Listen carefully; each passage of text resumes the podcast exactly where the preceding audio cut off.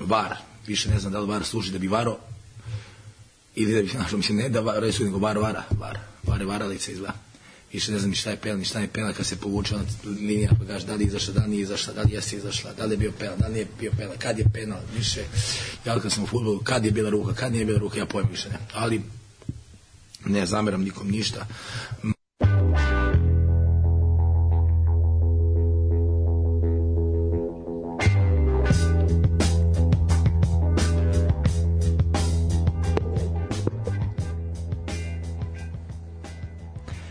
Dobroveče i dobrodošli sa nekih 9 minuta zakašnjenja istrčavamo na teren 150.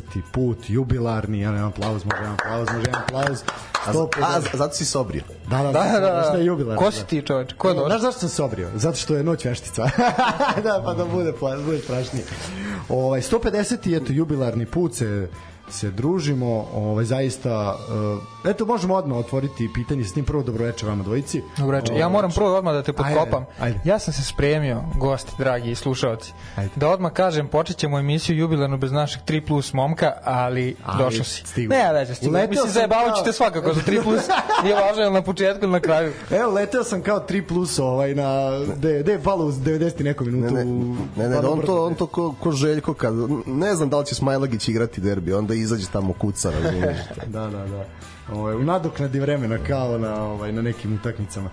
A, da, 150. put se družimo a, i ajde pre nego što pređemo na želje čestitke i pozdrave koje imamo, jednu koju moramo zaista onako istaknuti.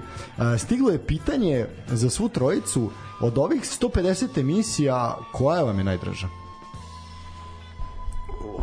Uf, pa, šta znam, da li, možda ova sa znam. Pa ne znam, ja nisam dugo, ali izdvojio bi ovu sa Sretanom kad je bio.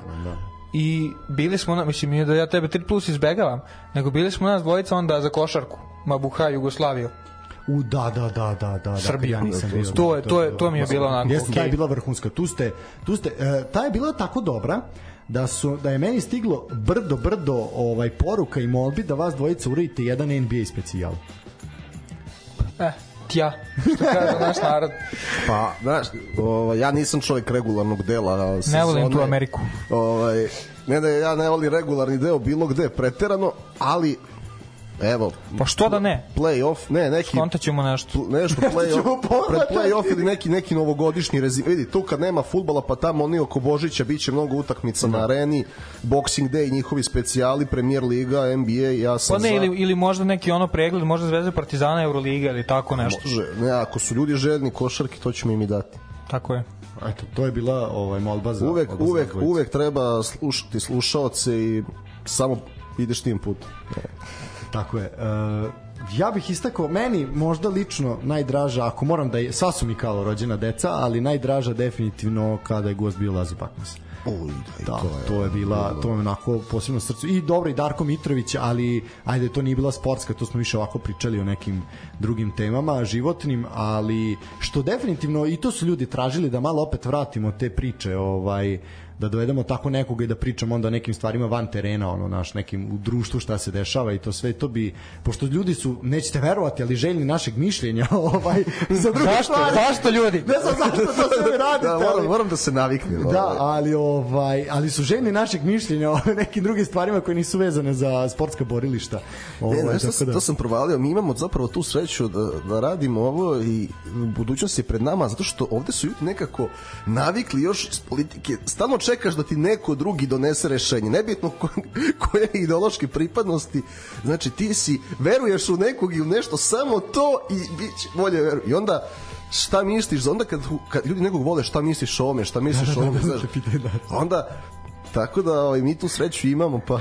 Da, dalje burek sa sirom ili pita sirnica, to je to, to ćemo. Mislim, to ćemo, te takve te emisije, uglavnom, evo, za ove tri sezone koliko postojimo, uh, time ćemo se baviti najviše kada malo odu ovaj svi na pauze i malo ovaj se okrenemo sezoni slava i ovaj praznika i kad nam bude ruska salata tekla venama, ovaj tad ćemo Za kratko moram samo da pobegnem, jako mi interesantna stvar. Gledao sam mislim normalno mi žitištani smo jeli, čudan narod i čudo od ljudi. I bilo je ja u Novom Sadu i šalje mi drug link brate live stream Beton lige znači one šeste. Naš klub Seoski Podgrmeć sa Terekvešom jako čuvena dva kluba I ovaj i sad ajde gledaš normalno sprdaš se. futbal je u pitanju, jel? Fudbal naravno da beton. Mislim ono, znaš kako izgleda utakmica? Kao vidiš nisam posla, mogu sam pozvati da gledate. Znači kao ono da staviš na 0.25 usporeno video. Znači znaš ti našto, ali okej, to je draž. 400 400 ljudi na tribinama. Ozbiljno. Znači razumeš? Ozbiljno. Vam pokaže na, na Ne znam, je ekstra. na bilo 400 protiv Ne, i pazi šta hoću da kažem. Bilo, bilo. Vidim, znaš, posle meča nekako svi su ono, kao da sad gotovo sve. I ja uđem, brate, u kalendar, kraj polusezone. Znači sad, to je bilo 30. Znaš kad nastavljaju? 7. aprila. Pet i po meseci, brate, vremena za trening i za Pa dobro, trening. sad idu ovi, jel, sad kreće ovi jesenji to, brate? radovi u polju, jel tako da to tako Ne, da- ali, ne, ne, nego znaš šta je sad problem? Sad je bio problem ekipama, sad se brao se kukuruz ovo ono. to, kukuruz, Nisi imao, kukuruz, razumeš? Kuka mi baš ovaj skitino kaže, nemam, brate. Oni su bili prošle godine dobri, sad su katastrofa. Nema, kaže, bit ćemo dobri tamo april, maj, razumeš? Stra, a pazi, znači završili su juče, s, e, ima 10 klubova, znači 9 kola. Koji je juče bio 29. Da. 29. oktobar, sledeća utakmica 7. april. A, ja sam ja sam video, e sad ja ne znam da li sam ja pogrešio, čini mi se pošto sad pratimo prvu ligu Republike Srpske i pr- prvu ligu Federacije zbog upravo pomenutog Nikole Komazeca. Ovaj meni se čini da da je Sloboda iz Tuzle objavila da oni imaju samo još dve utakmice do kraja polusezone. Pa tako nešto, dve, tri. A pritom moram pozdraviti Čika Branka našeg dragog, ovaj s kojim sam se juče vraćao sa stadiona i koji je rekao, gledali smo raspored jel, ko, ko sa kim do kraja i tako dalje. I onda smo videli da na primer Partizan 23.12. igra u Ivanjici. Šta mislite kako je to jedna onako Bišov šofen ovaj, i temperatura će biti dole, dole, dosta Garmisch Partenkirchen će biti. Biće englesko vreme. Biće bogan ski, ali četiri skakonice. Ilija Stolica je tamo pobedio 4-0, što mu je jedina pobeda. Ali Pobedio u 4:0. letnjem periodu, E, ne, da, ne, da. ne, slušaj, da, pobedi čovjek 4-0 u letnjem periodu i kuka na teren. Zamisli sad. Da, da, ovo sad će baš biti ono turneja četiri skakonice. A dobro, trener isto ćela, šta? Biće to pobeda, nemojte, nemojte da se sekirate, biće to. Vidi, a, jedno Dok je od najvećih- mašinice, dok je nularice, nema problema za partizan. Bojim se da to nije toliko do mašinice koliko do alopecije, ovaj, ali dobro. Kolina style. dobro, da, priroda tu Pa šiša. i Javor ima Milovana Milović. To sam teo kaže, Milovan Milović, čuveni, da, da, jedan od najćelavijih ljudi na svetu. Ako može ćelavost da se meri, on je najćelaviji. Pobegli smo s teme, vrati se. Da, ne znam ni bio. E, zahvalnica. E. ajde, pošto smo ovo rekli koja nam je najdraža, zahvalnica. Imamo još pitanja, odgovarat ćemo tokom emisije. E, zahvalnica... Što sam slao, pa kao neko nam je slao ili... Ne, ne, šta. Zahvalnica našem uh, dragom slušalcu koji se javio pre neki dan, Jovanu Anđelkoviću, čovek koji se trenutno nalazi na ovim teritorijama Amerike, ovaj koje smo malo pre spomenuli. Ako se ne varam iz Filadelfije je poslao poruku. Inače je čovjek rodom iz Kragujevca i navijač je radničkog iz Kragujevca i baš je onako se osvrnuo i zahvalio se što pričamo o njegovom gradu, njegovom klubu i sve i Varečiću. i ne, ne Varečić u Kragujevcu. Ali je, brate, stvarno- legenda. Ali jeste, da. Nemoj ti mene da učiš o Varečiću. E, ovaj, Nije u redu. Tako da, e, zaista, eto, jako lepo, prvo jako lepa poruka i javljajte nam se ljudi odakle god da nas slušate, ja vidim po onim statistikama da nas ima u svim krajevima sveta, ovaj, ali javite se i šta vam Ima se iz sviđa. Čikaga, ne? Iz Čikaga, moj znaš ti dobro koji, ovaj, ima svuda, tako da javite se i eto, slobodno prokomentarišite sa, sa nama tamo ako ste ovaj, zaglavljeni u nekim snegovima i nešto, ovaj, uvek, uvek smo spremni radi prokomentarisati, drago mi je da nas slušate, tako da zaista, eto, velika zahvalnost i pozdrav za našeg dragog Jovana, ovaj, eto, Pozdrav. biće mu, biće mu posebno drago što smo ga spomenuli. Rekli smo, on je rekao morate otići i mi smo rekli otići ćemo svakako u Kragujevac. Filadelfiju? pa U Filadelfiju bi mogli da, mogo bi da nas pozove, Realno, ovaj, realno. da, realno bi mogo, ali i u Kragujevac da odemo je sasvim u redu. A, to bi bilo neka što se tiče E, ja, zahvalnice. samo, ja da dodam samo da, evo, Jovan, ovaj, nadam se da, da će, jel, bar na neki odmor doći u Srbiji, ima poziv da gostuje ovde. Apsolutno, apsolutno, to je nešto što... Ovo je o meni stigla poruka od, od Mateje Nedeljkovića, kaže da sam ja najbolji uvek. Nemoj sam sebi da kucaš, što vidim ispod stola šta radiš. Ovaj, da, on je inače odgovorio na ono pitanje koje smo se mi zapitali kako ljudi gledaju inostranstvo uz Arena Cloud i to. Ovaj, on je rekao da ima neki XU kao paket gde može da koristi prvih uh, šest arena ovaj, ali ako sad uglavnom naša liga bude 7, 8, 9, 10, jel? Arena 10, kanal namenjen domaćem sportu. Tako je. I onda I ta, ali taj nemaš, na primjer, ili imaš... Ali šarenom sportu ili samo futbol? šar, svi sportovi Bude dobro. svi, Znam ali... da sam jednog konjičke nešto, tipa isto na A bile areni. su one gde se dole igra kod Smedereva. Da, se da, igra. Ljubičke, one Lju, da, to, to, da, da, da, da, da. Ovaj, tako da budeš arenu, bude rukomet na primjer ako nešto rade odbojku vamo tamo. Dobro, I fina ideja da bude KLS, šaren. ovaj, Pa da, sada. vaterpolo bude isto, ovaj, ali bude i fudbal. Tako da Ali- možda to ako već se uključuje, možda bi onda to trebalo malo ovaj Čekaj, ima live stream na YouTube-u Superlige, ne? čega? Superlige. U čemu? Futbala. Ne. Ne, Ne, ne. ne. Či bez veze, da prva ima, da super nema. Pa ne, dobro, prva je... Pa ne znam, ali upravo zbog ovoga, upravo zbog tih situacija. Ne, ne, nego moraš, to je ono što sam pričao, e, zato što nas dvojica smo bili na, na jednom skupu gde gde je ovaj gospodin Žugić i obećao promociju baš tog kanala Arena 10 za ljudi inostranstvo, ali to još nije očigledno ispunjeno. E, nadam se da će biti, jer vidiš, čovjek hoće u Filadelfiji da gleda Radnički Kragujevac, je ajde, redu, da. omogućite mu to, napravi paket i on će to sigurno da, da uplati. Pa naravno, vidi, mislim, apsolutno je logično ili makar onda zarotirajte pa skinite te dokumentarce sa petice koje idu u nedogled ovaj Pa da, neki idu neki pa ide nešto, tu, pa da, nešto može toliko kanala da se, da se napravi. pritom oni nisu ograničeni frekvencijama on možda otvori 50 kanala da ima da. mislim ono apsolutno nije sporno. Tako da ne ali okej uh, dobra je dobra je kao povratna informacija i da znamo šta šta i kako. Definitivno se to može može napriti. Nemojte streamovati koje kakve gluposti ovaj pustite pustite ono što se gleda. Naša liga je gledana preko preko To je, to je ono što je drugi gospodin kojeg smo upoznali rekao da kad su pustili kad su pokrenuli prenosi svaki prenos svako kolo da su se iznenadili gledanošću pa zato što ljude interesuje jer da, da liga nije gledana vežbali bi se početnici na prenosima naše lige ne bi radio Radoček koji radi posao 15 godina znaš. tako je Radoče već što je dao go Zvezdi. da da da da da e, nis, moram ga pitati šta mu dođe verovatno neki rod. Ovaj e, a otvorit ćemo sa rukometom. Priču sa rukometom, Vula je naoštren.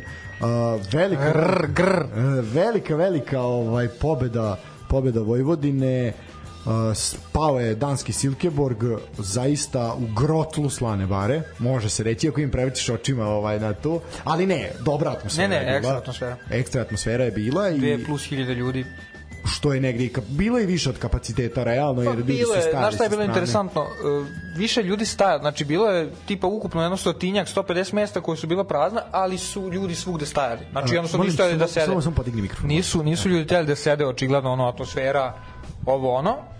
Tako da bilo je dosta ljudi koji su stajali. Znam zbog mene, za mene je ograda i onda neko se naslanja i stalno naš ono cupkate zato što ali ono 100 ljudi iza. Tako da sjajna atmosfera. Ako si ti završio sa uvodom, ja ću sada da preuzmem. Izvoli slobodno, ja ću se na to Pa, pustio sam te. velika, velika pobeda, nije to upitno.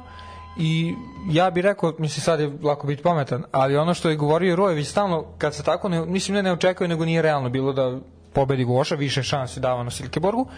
I onda on uvek kaže, mi smo znali da možemo, samo što tu niko nije verovao. I tako ova pobeda, tako su bile i neke prethodne, tako je bilo sad na ovom turniru u doboju Montpellier i koga su još dobili Zagreb celje. I oni su oni rade na, za to, imaju sjajne uslove, imaju sjajne igrače, iskusne, manje iskusne buduće reprezentativce Srbije i drugih zemalja i veruju to i on što kaže, znači vera. Jednostavno mi smo znali da može to da se uradi, više šanse Silkeborg, ali verovali smo, odigrali dobro. Ono što je isto važno reći, Silkeborg nije igrao na visini zadatka, znači nije bio ono na, na To će biti kao totalno inače. drugačija ekipa tamo. I da. to znam, ono dok smo pričali pre meča, znači mi moramo, Voša mora da odigra jako dobro, a ovi malo da podbace i tako će se doći do pobede. Tako je bilo. Ono što smo pričali o Laugeu kao ovaj strašnom igraču, to je samo dovoljno, mislim to su stvarno vanserijski igrači kad ti njega realno, mislim sad ima svako svoj, ja njega nisam vidio na terenu, on je dao čovjek pet golova, podelio 3-4 sjajne asistencije, a realno nisi mogao da kažeš Lauge, Lauge, glavni, la- nije bio glavni. Pet golova, dozvolili. Razumeš, odlična odbrana i nešto je on onako malo neraspoloženiji, a pazi, nije ga bilo, a pogledaš statistiku jedan od najboljih igrača. Znači, to je isto bilo dobro odrađeno. E, isto faktor iznenađenja nije sigurno Silkibor očekivao da će Rogan da da 8 golova s pivota. Da će Pop Pešić da da dva i mislim da je još neko s pivota dao gol, nije važno. Uglavnom, 10 plus golova s pivota nije niko očekivao. Rogan, Rogan definitivno neko ko je sad ovim mečom skrenuo pažnju na sebe i odmah je krenula priča o reprezentaciji. O Dobro, on je već tu, je sad jedino ono, neki značajni minuti to. Apsolutno, Naravno, da, da. Ne, opet ono što je krasi Vojvodinu ove sezona i prošle sezona, sjajni golmani, kad jednog ne ide drugog.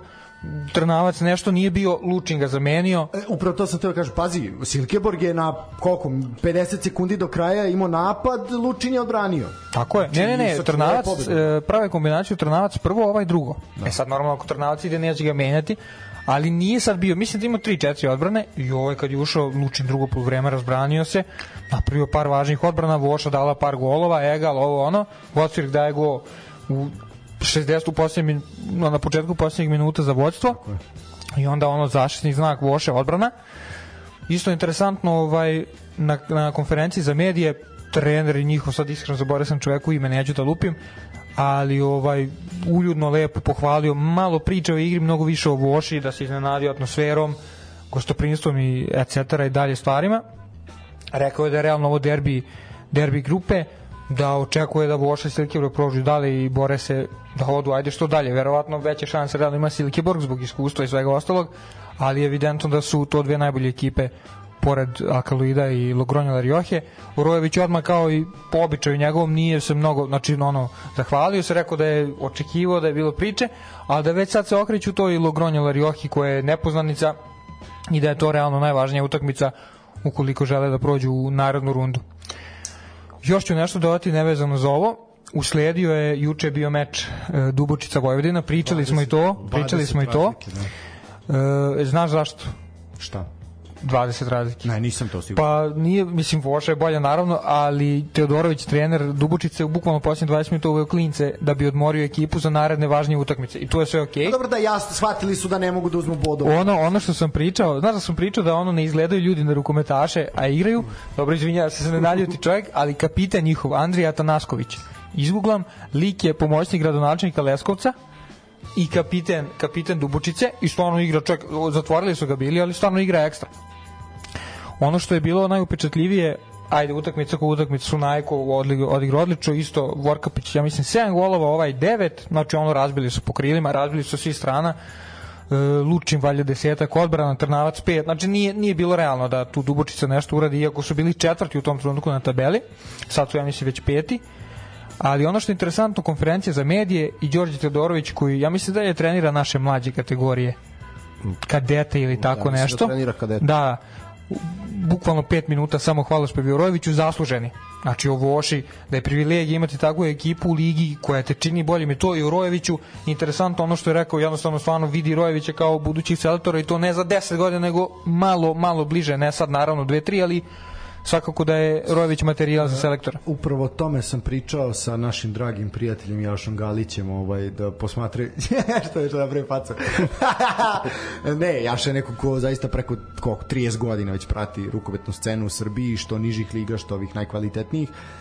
I upravo smo to prokomentarisali. Pazi, Rojević je krenuo od nule. Rojević je krenuo od petlića. Tako je. Znači, on od najnižih uzrasta i bukvalno je ređao uspehe. Ma i ono što se kaže, vidiš po njemu, brate, on se da jadan. Kad igraju bre s levom, nekom on se gine tamo, znoji se, gubi Ne, dve kile po okej. meču, razumeš? Ali, ali on je, znači, jedan sistem je bio gde on zaista napredovao iz sezone i sezonu, znači pratio je generacije iz igrača iz, na, uz jedno godište u naredno, nije preskakao, nije bilo rezova, znači iako je prvi tim imao turbulentne periode pa su menjali, pa su sekli, pa su dovodili ovako onako. Pet godina u klubu, 14 trofeja.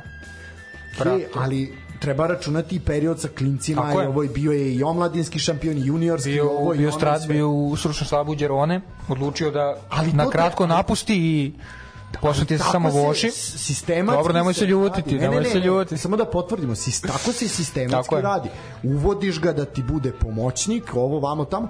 Zašto ne bi mogli za, ne znam, jedan olimpijski ciklus, na primer, da za sad za sledeću olimpijadu, zašto ne bi Toni Đerona mogao da bude pomoćnik Rojeviću? Znači kao recimo, Savetnik. Savetnik, pa to, to, na to kao profesor Ace Nikolić što je bio Željku na primjer, da.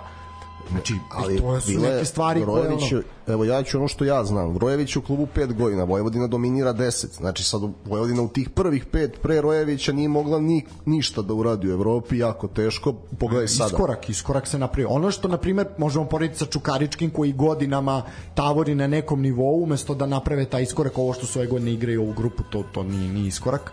Ovaj, pričat ćemo o tome. Ali, znaš kao, tačno je čovek doneo to nešto, naravno uz uh, zaista sistematski rad u klubu koji se vidi od najmlađih kategorija pa do prvog tima. Znači, igrači koji se dovode, ne kupujemo na kilogram, kupujemo ono što nam treba nije problem i da platimo, ali ćemo platiti kvalitet, a nećemo platiti na osnovu YouTube snimka, što kaže da, da. Dulja. Ovaj. Znači, to, e, evo, to se zaista isprava način ovo, kako klubi treba da funkcioniš, kako se pravi dinastija, što bi rekao. Pa ne ozbiljan rad, ne ono ofrlje, nego su radi. Svih, svih sektor kluba, apsolutno. Evo, Vuleć je to bolje od mene i onda taman da mi kažeš nešto, pošto nisam stigao da pogledam Partizan Pančevo. Ovaj vidim da je ba ne vidim da je Pančevo pobelo u gostima, pa nije mi jasno baš kako, ali Ovo... Zato što niko nije vuku sem ti. Pa već cela sezona. A tako. Što ja primećujem koje Vojvodini, kad stignem da gledam i kad ne gledam utakmicu, uvek pratim kretanje rezultata gde Vojvodina uh, i kod kuće i na strani, znači vidiš to drugo poluvreme ka, bilo koga kako uhvati u mašinu ako vodi, pobedi onda još 7-8 razlike ako gubi kao što je gubila četiri razlike protiv i boljeg od sebe objektivno okrene i pobedi. A, a znaš zašto? To, Mislim, završi pitanje pa da... To, ali to ne, to ne može bez uh, rada i ruke trenera. To ja, ono što pratim sport generalno.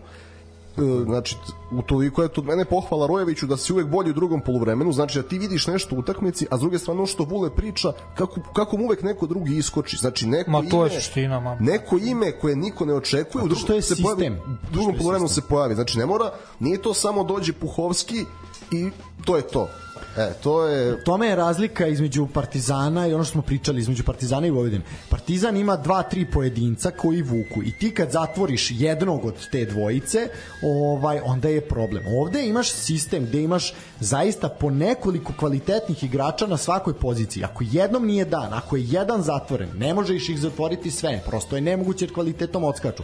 Što se tiče ovoga drugog, drug, drugog poluvremena, prvo, svaka rukometna utakmica se dobije u drugom poluvremenu. Znači, drugo poluvreme je uvek presudno. Zašto? Zato što, pogotovo naše ekipe, uglavnom, padaju sa formom u drugom poluvremenu. A 45 i 50 minut. Tako je, tu se lomi 40 minut, tu se vidi ko diše na škrge.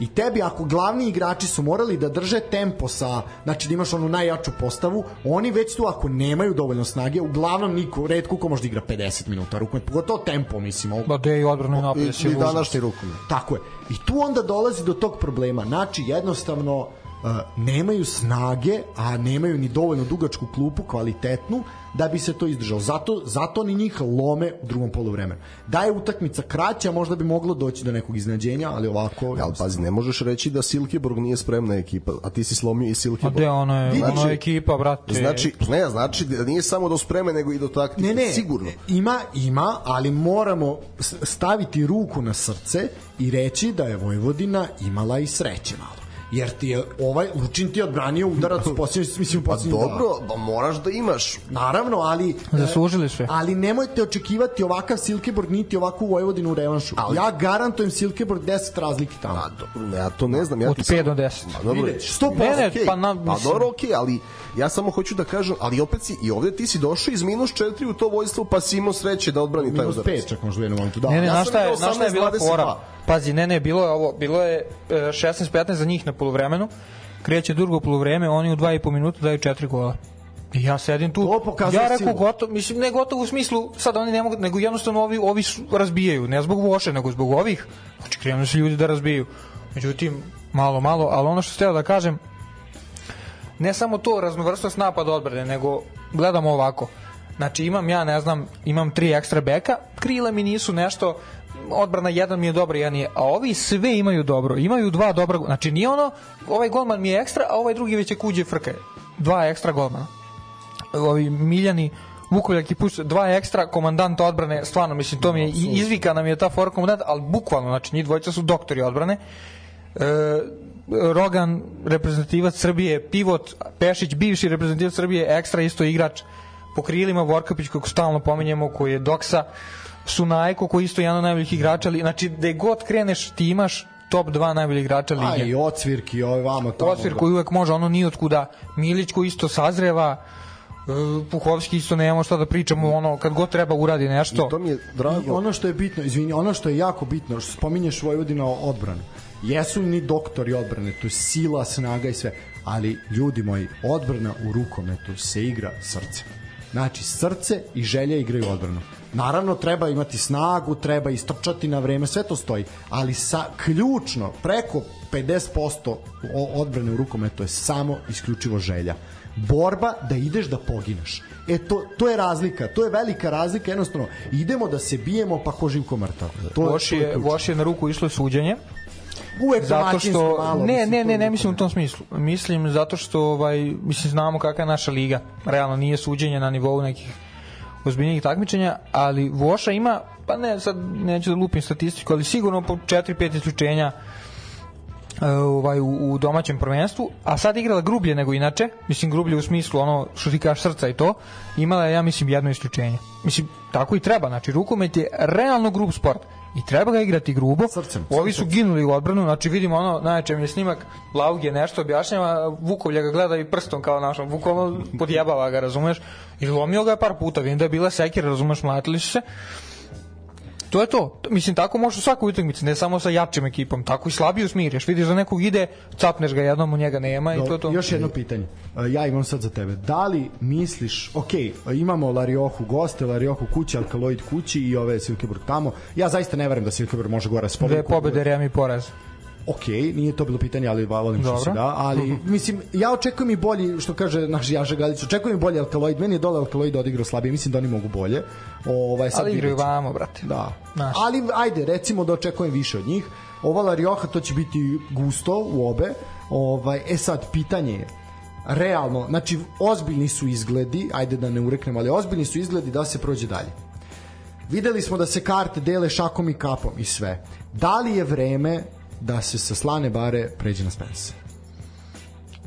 Odgovorit ću onako isto žargonski, to, brate, nije pitanje za mene. Ja mogu da kažem šta, Šta ti misliš? šta mene... Šta ti misliš? E, Pogotovo ja- što će u tim knockout fazama će doći kvalitetnije pa ekipe, sad ako prođeš da- ide ti ideš na Flensburg ili Alberum. Pazi, to sad, svetski, ali zaista svetski, ovaj, Flensburg- svetski poznate ekipe i jake ko zemlja. Vre, naravno da je vreme. Flensburg je realno da se igra u, u. Jeste. Ja mislim da ne. To je moje mišljenje. Dobro. Obrazložit ću normalno. E, realno, da nisi delio karte, ne bi bilo ovako dobro sad. A to je ipak velika, velika utakmica. Mislim, tu je fora, brate, ko prati, ko ne prati. Ali u suštini, napravljen je, što kažu, mladi hype, ali opet, da nije toliko deljeno karata, ne bi to, ne bi to bilo tako. Ja samo mislim, ko, tako smo već za neku utakmicu pričali, ja mislim, Za prošle prošle godine, godine za uvek završeno, da. mislim da bi bilo ono buć, znači da bi svi mislili u brate biće i onda dođeš ono poluprazno. Nije to lako napuniti. I ne, pazi, ima naravno razloga za slobodno. Znači, prvo ne pitam se, drugo nije stvarno do mene. Ja smatram da ne. Iz više razloga, znači već sam rekao jedan, bolje će ti biti vamo zbog atmosfere, jer će biti krcato. Druga stvar, nisi igrao na Spensu IKK je godina, ovde si brate na svom terenu, dva put trenzi dnevno, i ostiš teres, igraš u svom gradu, igraš, znači sve je podređeno tebi u toj slanoj bari. U Spensu nije sve podređeno tebi, drugačija atmosfera, etc. 300 stvari. Ja nisam za to. nam, tehnički nam treba hala veće kapaciteta. Malo. A da nije previše. Ipak velika, hala, velika sala Spensa je... Mislim da ne bi mogla da se napuni, iskreno. Da. Iskreno. Pa, Znaš kad bi se napunio? Napunio sa finale Lige Evropa. Polufinale, ali to je še- 16 osmina, jeli? Mislim da. idu u osminu. Mislim da ne. Mislim da ne. Nije važno ko je protivnik, mislim da ne. Pošteno, pošteno, sve si obrazložio. Daj Bože da da. Nek se igra, brate, ono, nek se, eto, nek se igra s Flensburgom ili Sellerom, sve jedno ekstra su ekipe, pa nek bude pun Spence. Bilo bi mi drago. Ali realno nije, nije baš realno nije realno. Realno nije. Pa vidi, Da. Jelena Rozga je napunila Spence. Mada da je ovaj Gore a, Vujin, Vujin potpredsednik kluba najavljuje da je to realno. Tako da što da ne. Ako oni tako kažu. Mi ćemo, evo, nas trojicu imaju, mi ćemo doći. Apsolutno. Pa nek vide za ovih 6997, nek dođu. E, eto, dok ste to... Šta, da, samo se jednu rečenicu u rukometu još. E, mislim da se podcenjuje to što je Vojvodina prošle godine uradila. Evropski trofej u rukometu, pa i u trećem takmičenju nije mala stvar za ovu zemlju. Nekako mi se čini da se ne ceni dovoljno. Pa je bilo ba dobro kao sad u ovoj Ligi Evrope neće da urade ništa.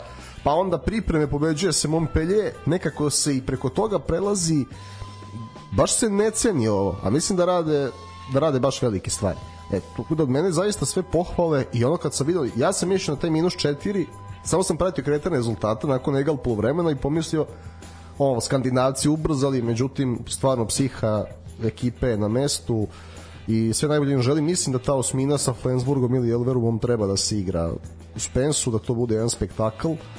Tu Vojvodina već jeste outsider, ali prolaz grupe ove godine je zaista uspeh i treba da ostanu do, i do godine u ovom takmičenju. Imamo uh, jednu poruku još. Ajde, pa ćemo na... pa ćemo Ovaj, na naš dragi Aleksa ovaj, iz Beograda čestita na 150. emisiji uz želju da još jedna nula bude tu vremenom. Pa onda bismo prešli broj epizoda BB show-a. Tako da, ovaj, ali ne, hvala Aleksi, eto, da slušalci znaju to vam je čovek koji će doći za NBA specijal. Ako, ako to želite, uh, taj dečko prvo što je žive u Americi jedno vreme, drugo što i dalje ima vremena da se noću budi i možda zato što živi u ulici Zorana Đinđića pa se drži one da nema spavanja uh, tako da eto, to je to, hvala Aleksi je li sad vreme da se prebacujemo Jeste. na futbal Jeste vreme da se prebacimo na futbol, na uh, evropske duele naših timova koji su bogami ove nedelje bili onako poprilično uh, neuspešni. Uh, Za razliku od drugih nedelja kad su bili Da, da, da. e, neuspešni. neuspešni. Da, ovaj ništa, treba reći da jedina pobeda i dalje u Evropi da je to i dalje ovaj Partizan koji je savladao Sabah sa 2:0. Ovaj da, to je i dalje jedina pobeda naših klubova u Evropi. E, ono isto što treba reći, ali ajde to ćemo kad rezimiramo da ćemo pričati o koeficijentu. Prvi na teren su izašli futbaleri Crvene zvezde, oni su bili u Nemačkoj. Uh, igrali su protiv Leipciga, bilo je 3-0, eto identičan rezultat kao u Manchesteru. 3:1, brate, 3-1, 3:1. izvinjam se. Uh, identičan rezultat kao u Manchesteru. opet Strajnić da, ovaj, ali da li vama deluje da je bilo bolje izdanje bolje izdanje Zvezde nego u Manchesteru? apsolutno Neću da budem klišejista, ali nek su, brate, ovi klinci igrali. e, tu sam te se seti tu sam imao, imao sam spremno pitanje ali nisi ga ni dočekao Nek su igrali klinci. Mislim, realno slažem se da, da je bila bolja ovaj partija i ako gledaš onako najgluplje moguće bolje ćeš odigrati protiv Leipziga nego protiv Citya, jeli? Ima donekle logike. Ne mora da znači, ali logičnije. Ali ovaj, samo nek igraju, brate, ovi ne gube ako treba ne gube, mada sam odmah pričao ono za Young Boys da to treba obe da se dobiju, ako igraju ovi klinci, nek izgube, brate, koliko vole. Iskreno. Škola koja Samo nek igraju, brate, Mijatovi. Ja bi, dobro, aj možda je Brano, ali iz klupe. I onog Maksimovića iz grafičara. Što da ne, brate, baci ga u vatru 16 godina, ne kažem. Klinac je baš klinac. Jebi ga. 15 minuta, 15 minuta, što da ne? on- Pet minuta. Što da on ne? jeste na dvojnoj registraciji računa se na njega kad dečki stasa on, on će dobiti šansu pre punoletstva u to veru Ma, to to ovaj, nema nema greške ja sam ovaj, moram da pohvalim Bahara zato što je pazi ekipu čiji je pressing zaštitni znak i generalno ceo taj Red, Bull je evo Istina. istina ovaj prosipam vodu ko Anđus ovaj Red Bull uh, ceo Red Bull koncept se zasniva na visokom presingu Ralfa Ragnika i njegove vizije. Ti si njih iznenadio presingom tamo u nekim fazama. To je zaista za poštovanje. To je ono što se od Bahara očekivalo što je rekao da će doneti i trebalo mu je vremena zaista sam zadovoljan što su igrali su zadovoljan ja rivalski klub ali mene zanimaju srpski igrači u Zvezdi ova deca. Kosta Nedeljković sjajna partija mnogo važan zato što nemamo desne bekove taj dečko mora da se razvije da bi reprezentacija ličila nešto. Uh, Jovan Mijatović dečko koji može da igra sam kao na istureniji može da igra kao polo špic uh, raznovrstan, ima ključni pas uh, uopšte nije visok, ima osjećaj za skok tako igra za ekipu jak je zaista uh, ima potencijala. Uh, Šljivić nije bio tu igrao je sad za znači za Zvezdu 19 godina. Lučić on je nešto stariji od njih ali opet dovoljno mlad sjajne partije kontinuirano od prvog kola. Tako da to je ono čime navijači Zvezde moraju biti zadovoljni. Naredna dva kola su velika šansa. Prvo City će kući no, neće dati Young Boysu 7 ako ne bude hteo ili ako se i njima golman razvrani kao zvezdi Glazer. Znači tebi tebi bod protiv Leipziga, samo bod, omogućuje da ti je bod dovoljan u Bernu. A ja mislim da može i da se pobedi u Bernu, pa uz malo sreće, možda i čak i Leipzig ako te krene ako ti povedeš kao što si poveo protiv Liverpoola. A vidimo da je, da je moguće da stvaraš šanse protiv Leipziga. Leipzig i tu i dalje favorit jeste pobeda Leipziga opet najrealniji ishod ali nemaju razloga navijači Zvezde da budu nezadovoljni i s druge strane da to otvara pitanja da li su neki igrači Zvezde malo nepošteni kad ovako igraju u Ligi šampiona pa dođu pa se mrcvare sa Javorom i Enteom iskreno. Pa dobro, mislim donekle koliko god oni bi trebali da budu profesionalci, znaš, ipak ne može biti isti isti motiv i ne Pa može. nije, ali gledaj, uh, to opet uh, seti se kad, kad su bili neki drugi strani treneri u Srbiji kako se igrala Evropa, kako domaća liga. Pa čak i srpski treneri koji, koji generalno žive van Srbije kao Đukić. Ti recimo pobediš Young Boys, gde Young Boys osim te šanse iz prekida i drugu nije imao, i ono sve proleće u Evropi kolo pre kraja sve super, bajno, dolaziš ti u subu, u nedelju, Spartak i isti ti ljudi, onako, znaš, ne pomere se i prospeš bodove. Znaš, mislim da, da sa nekim trenerima igrači ovde teško prave hemiju i onda u Evropi igraju i zbog sebe i zbog prodaje, pa onda igrajući za sebe igraju za tim, a da se u ligi ne ponašaju baš korektno. To mogu da zamerim delu ekipe Crvene zvezde jer se vidi razlika u pristupu. Ma šta, mnogi od tih momaka, pogotovo i stranaci, dovedeni su zbog Lige šampiona. ono, Oni, ta, ta naša liga je propratna muka koja ti tu, oni jesu dovedeni da igraju Ligu šampiona i da se prodaju na kraju krajeva, jel? Ovaj, tako da je, to je njima glavni motiv i znaju šta je najveća pozornica. To šta ćeš uraditi protiv IMT-a. E, ali zato, znaš, moraš, moraš da budeš i Mitchell Donald koji je igrao dobro, na primjer, i jedno i A drugo. ja se slažem, ne, ne, ja se slažem da je to ispravnije. Ja samo kažem šta je u njihovim glavama i kako se razmišlja. Jel? Može time out, jedan pola minuta samo. Počinje derbi za 15 minuta, E, šta, šta kontate, šta To je isto bilo pitanje, šta prognozirate za... Ja mislim da je nerealno Partizan dobije dva puta.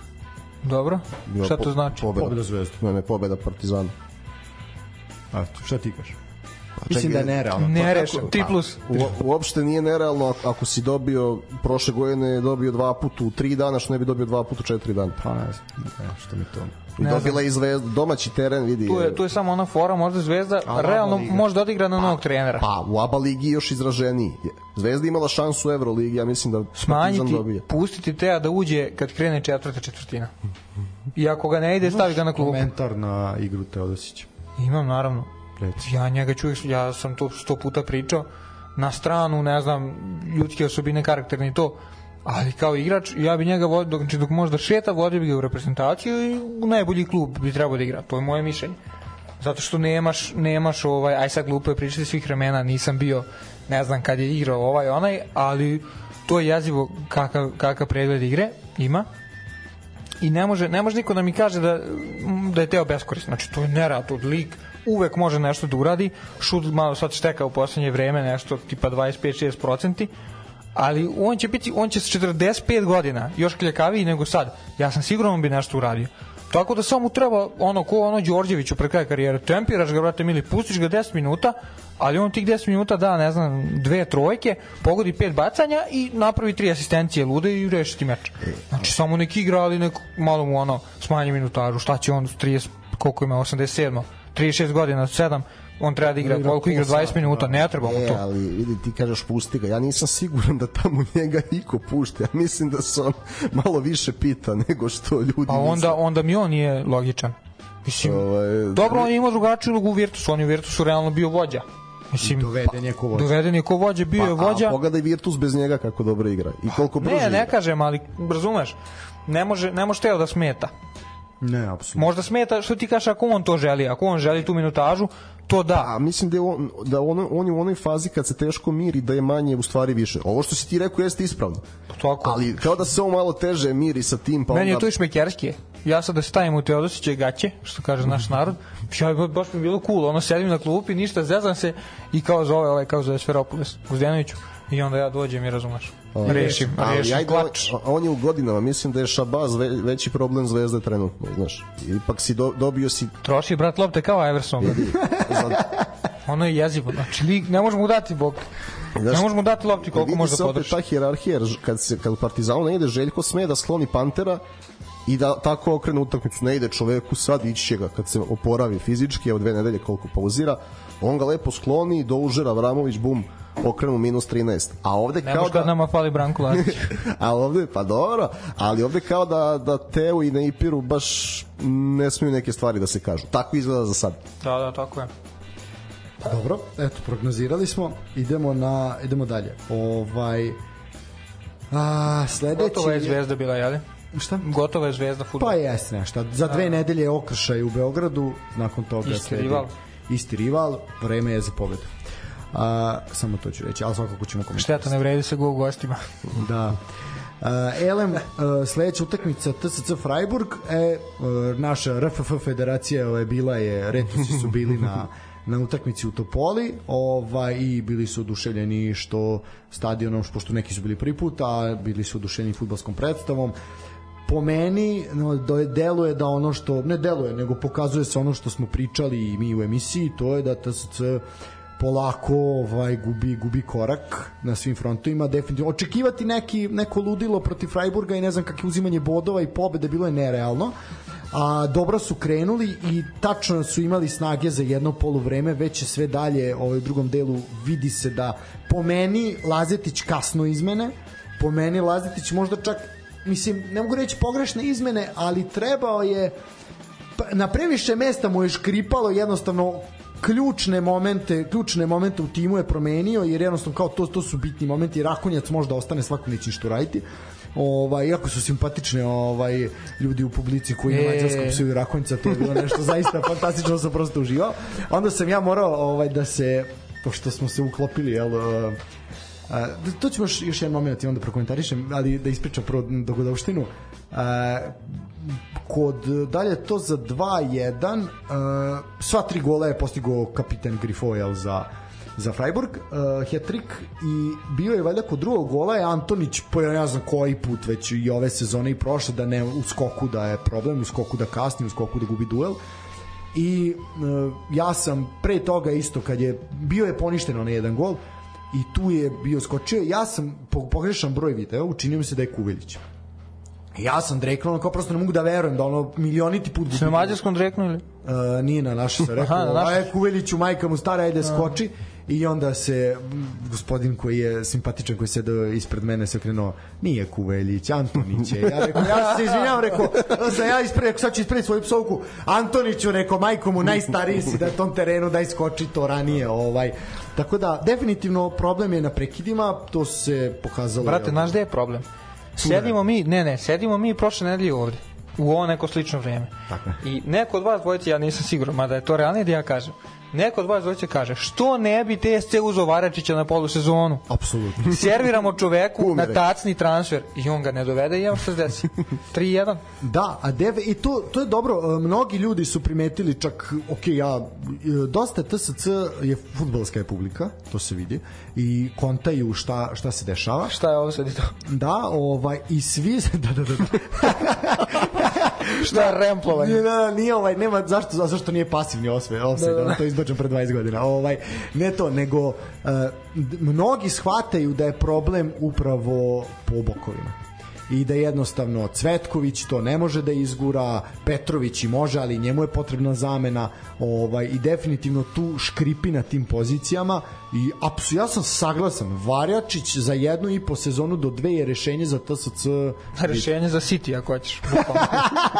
Kad se umore tamo ovi, kako zove. Ne Daj znam da koga, kojim je ali po stranama, ali Varačić je bolji. Samo da se čoveku pošli linkovi par emisija. a, Mislim da bismo, ne znam... Brate, lik ne spava noć, ima štuca cijelu noć. guši se od Pita ga trener šta ti je, nisam spavao cijelu noć. Štucam. Da, grizam se za jezik nekome. A Nekome ne, ovo se pokazalo recimo ove koliko, m, ova tri kola uh, TSC imao dobrih segmenta u sve tri utakmice. Ali tačno je ono što smo rekli za njih je konferens. Mi smo dobili treću ekipu koja može da odigra nešto u Evropi. Ali to nešto mislim da je konferens. I da je za njih najbolje da budu treći, jer treće mesto još jednu godinu garantuje minimalno konferens i da da konferensi igraju. Iako dobro, kreću iz kvalifikacije za Ligu Evrope, ali bolje da ispadnu kod Čukarički i da igraju. Definitivno je više u konf... Misli, pazi, da se mi ne lažemo. I na 1-0 i na 1-2 ovaj, bilo je bilo je šansi za TSC. Čekaj, ima je- Đakovac neku dobru šansu. I imao je Đakovac, da, da. Pa to to, na 1-0 je Đakovac, a, ne, Đakovac je na 1-2, Vulić je na 1-0. Ovaj bilo je bilo je dobrih dobrih šansi moglo je, ali jednostavno ovo je bila takva utakmica gde ukoliko ti zaista ne iskoristiš svoje šanse i po meni jednostavno Freiburg je prvo ozbiljna trkačka ekipa u odnosu na TSC i tu se vidi problem naše lige koja je A i problem i selekcije, kažem ti, za, la, kako ti mislim, imaš, imaš tu malo kontradiktornosti. E, znamo viziju igre TSC i kako Lazatić razmišlja i da po svemu što on priprema je trener za Lige 5, za ozbiljne lige. Ali to ne možeš da radiš uz dužno poštovanje s Cvetinovićem, Santonićem, Cvetkovićem, uh, Petrovićem, donekle i Radinom za neke segmente. Razumeš, trebaju ovo zvuči više mlađih igrača ili bar modernijih. Ne mislim, pazi, ovo su 30 plus igrači. Veliki broj 30 plus igrača u TSC-u e, i mislim im trebaju igrači u punoj snazi. Da li će to biti domaći igrači 26-7 godina ili stranci, to ne znam. Ali moraju brže. Sad vide Znači, imali su oni dobre ideje, ali ti vidiš recimo kod te šanse Vulića kako te, ono što je u našoj ligi gol, kako te čovjek stigne i spreči da šutiraš. E to, znači, to sad su fali to. Pola sekunde tamo, pola ovamo, ali na nivou 90 minuta je to i su više sekundi. Tako je. A, dobro, ono što treba reći, znači za dve nedelje TSC ide u goste Freiburgu. A, ono što sam još teo da primetim i da istaknem, to je da je TSC bio pod kaznom, bio je smanjen kapacitet, kapacitet negde za 400 mesta s obzirom na proporcije stadiona, jel? A, ja iskren da bude, meni deluje da je bilo mnogo više ljudi nego na Olimpijakosu. Uh, jer taj recimo taj severni deo gde smo mi bili gde su bili gostujući navijači ovaj na toj severnoj tribini bila je popunjenija nego na Olimpijakosu Što si bio na navijač? Ne, ne, ne, nego sam imao, imaš levo sektor kad gledaš od terena levo se, ka terenu levo sektor boks gde su gostići navijači pa je bila tampon, ma, ali vrlo mala tampon zona bukvalno A nema ono, potrebe, Nemci su miran narod. Da. Uh, Boga je bilo incidenata Nema zesti. Da, bilo je incidenata, pogotovo kod poništenih gola. Nije to sad ništa strašno, bilo oni su ljudi navijali, atmosfera uh, nevjerovatno koliko dobra akustika i kako dobra atmosfera bila. Ja verujem da to pogotovo kad budu sad došli i West Hamovi da će to tek onda biti da, će Da, biti a dobro tu može biti problema. Pa ne verujem, zato što prvo ovo ti obična publika koja nije provocirala, ali Da. malo nekog ono, dobacivanja bilo. Međutim, nije bilo policije, redari su bili dovoljni da, Da. da, da ne ovaj, ali bilo je malo nekog ono prepucavanja. Jer bilo je naših naših Auslandera koji su ovaj znali nemački tako da su odgovorili na provokacije. E, tako da i vrlo simpatično navijanje TSC koje se odnosilo na ovo plavi, plavi, TSC, TSC. Tako da je dosta bilo ovako simpatično, ali dobro. Moram da se pristim, sad izvinjam što ti upadam u, Ne, ne, što ti upadam u pauzu govorenja. Da. Ovaj, kad je igrala Voša Seha ligu rukomet sa Pelisterom, Eurofarm Pelister, neki lik, dedica ono 70 plus i vidiš da je ono sedi u loži, da je neki tu verovatno ima veze s klubom, ono, ali navijač ko zna koliko godina. Nije bilo navijača sem njega, znači strane bar je bio novinar jedan njihov i on, navijač, i par ljudi u delima iz uprave i to je to. On je na tipa 2, 2 i po minuta naglo ustajao i tapše i viče Eurofan, Pellister i tako jedno dva, tri puta na dva, tri minuta. Znaš kako je, ono jako je čudno bilo, ali nije on, on nije to video mojim očima ili svačim. Či lik navija za svoj klub, ne zanima ga da li je ono bilo 300 ljudi pored njega, da li mu se neko smejao, da li nije stvarno interesantno i ovo isto treba pozdraviti. Mislim, važno da se navija, brate, uopšte nije važno ono Da, šta vičeš. podršku, da, Znači, apsolutno. ono, vignuti nekom, nekad znači ono, kad gledaš mali futbal, pa ne, ej, bravo, mali, nešto znači, a gde ovo ima da ne znači ono na jačoj sceni, tako da ovaj, ne može da škodi navijanje. Apsolutno. Hajra TSC. Hajra TSC od uvek i za uvek. Uh, E, ja, ja moram sad da prekinem tamo dok smo pomenuli smo košarku, pa je da kažemo da izgleda ovaj, da će Bruno Caboclo, brazilski centar koji je imao sjajno svetsko prvenstvo u tandemu baš sa Jagom da će doći u Partizan. Štetica. Pa, to je ono gde su, gde su bili tanki. A, dobro, poslednja utakmica što se tiče Evrope i nekako smo to sad navikli da bude ona nalako najtužnija. Ja neću Ovaj, ništa. A mogo si ladno, Ne, ne, ne. ladno si mogo da preskočiš. Može, neću ništa, nećemo komentarisati. Šta da- pa šta- Samo ću reći Fiorentina Čukarički 1-0 u setovima. Znači 6-0 Ali- sramotno. Sramotno, sram vas bilo. to je to nešto više. Ne, jesu ovi bolji, ali baš... Ne, ne, za jako je sramotno bilo. Sem Docića, a ovo ostalo. Kad sam... Mogli bi ono ko ove što su vikali Miloševiću, Savo imamo ih. Šta je pa, imamo da. ih, to je to, da. 4-4-2, vjeruj mi. E, to je to. To će napraviti džingl, to je to. Ne, ne, neću ništa reći, to je to. Sram ih bilo i nema šta više, neću ništa reći. Ali kako si rekao, kao da si vaspitač u zabavi, što sram ih bilo što su to uradili. Pa ne, pa Ne, zaista ne, da, sramotno, šteta, znaš, kao, da to Ruglo, brate, loše zvuči, znaš. Da to li... Ja ne kažem, bilo je i gorih, ima loših utakmica i rezultata. A, brate, i znaš šta isto svega. fora? Što ono što vi često kažete, neko ko ne gleda pa da kaže odobila Zvezda 5-0 Fiorentinu, a dobila, brate, kad je Fiorentina skupila se s mora, ljudi došli, brate, s plaže, aj sad, aj sad, sad bi Zvezda izgubila 3-1, 3-2 sigurno Fiorentina. ne, Zvezda možda i ne bi izgubila, ali A, brate. ne može, znači Zvezda ima ovakvu grupu u Ligi šampiona igra je bolje nego ovi konf, Ligu konferencija. E, to je problem. Pa znam, ali evo sad to što kažeš, ne vrem ja, brate, da bi Zvezda pobedila Fiorentinu. Pa ne, ne, mogla bi da igra s njom sad. Ali Remi plafon, moje mišljenje. Ove, Uh, ne, neću ništa reći. Ne, Znači, ne. apsolutno neću. Čukarički mogu prokomentarišiti utakmicu s Vojvodinom. Ovo... Vojvodina ne bi izgubila 6-0. E, To ipak Ne, ima ne, nešto... ne, ne, bi, ne, 5-0 bi bilo. Ima nešto, I bio je jedan poništen gol. a, ima, ima nešto... Ovaj, ima nešto veličine kluba i. Znači, shvatili su Evropu turistički i to je sve. To sve je to sram mnogo ozbiljnije. zbog toga. Sram. Mnogo ozbiljnije. Nisu, znači, šansa koja ti se ukaže jednom ti ono, Toliko su kukali doće tu u Evropu i onda ovako sramotno je odigraš. E, viče sram bilo, a znaš zašto se smeje? Zašto je bilo 3 plus? bilo je dva puta 3 plus. 3 plus puta 2. Ne, oba polovremena 3 plus. Da, da, da. Ko- Koja li je kvota tu? To je... Ne znam, ne, ne, neću što više reći o njima, što se mene tiče, završili smo njihovu temu. Ono što treba reći da je gotovo izvesno da u sezoni 2025-26 mi nećemo imati dva predstavnika u Ligi šampiona. Čekaj, to je za dve.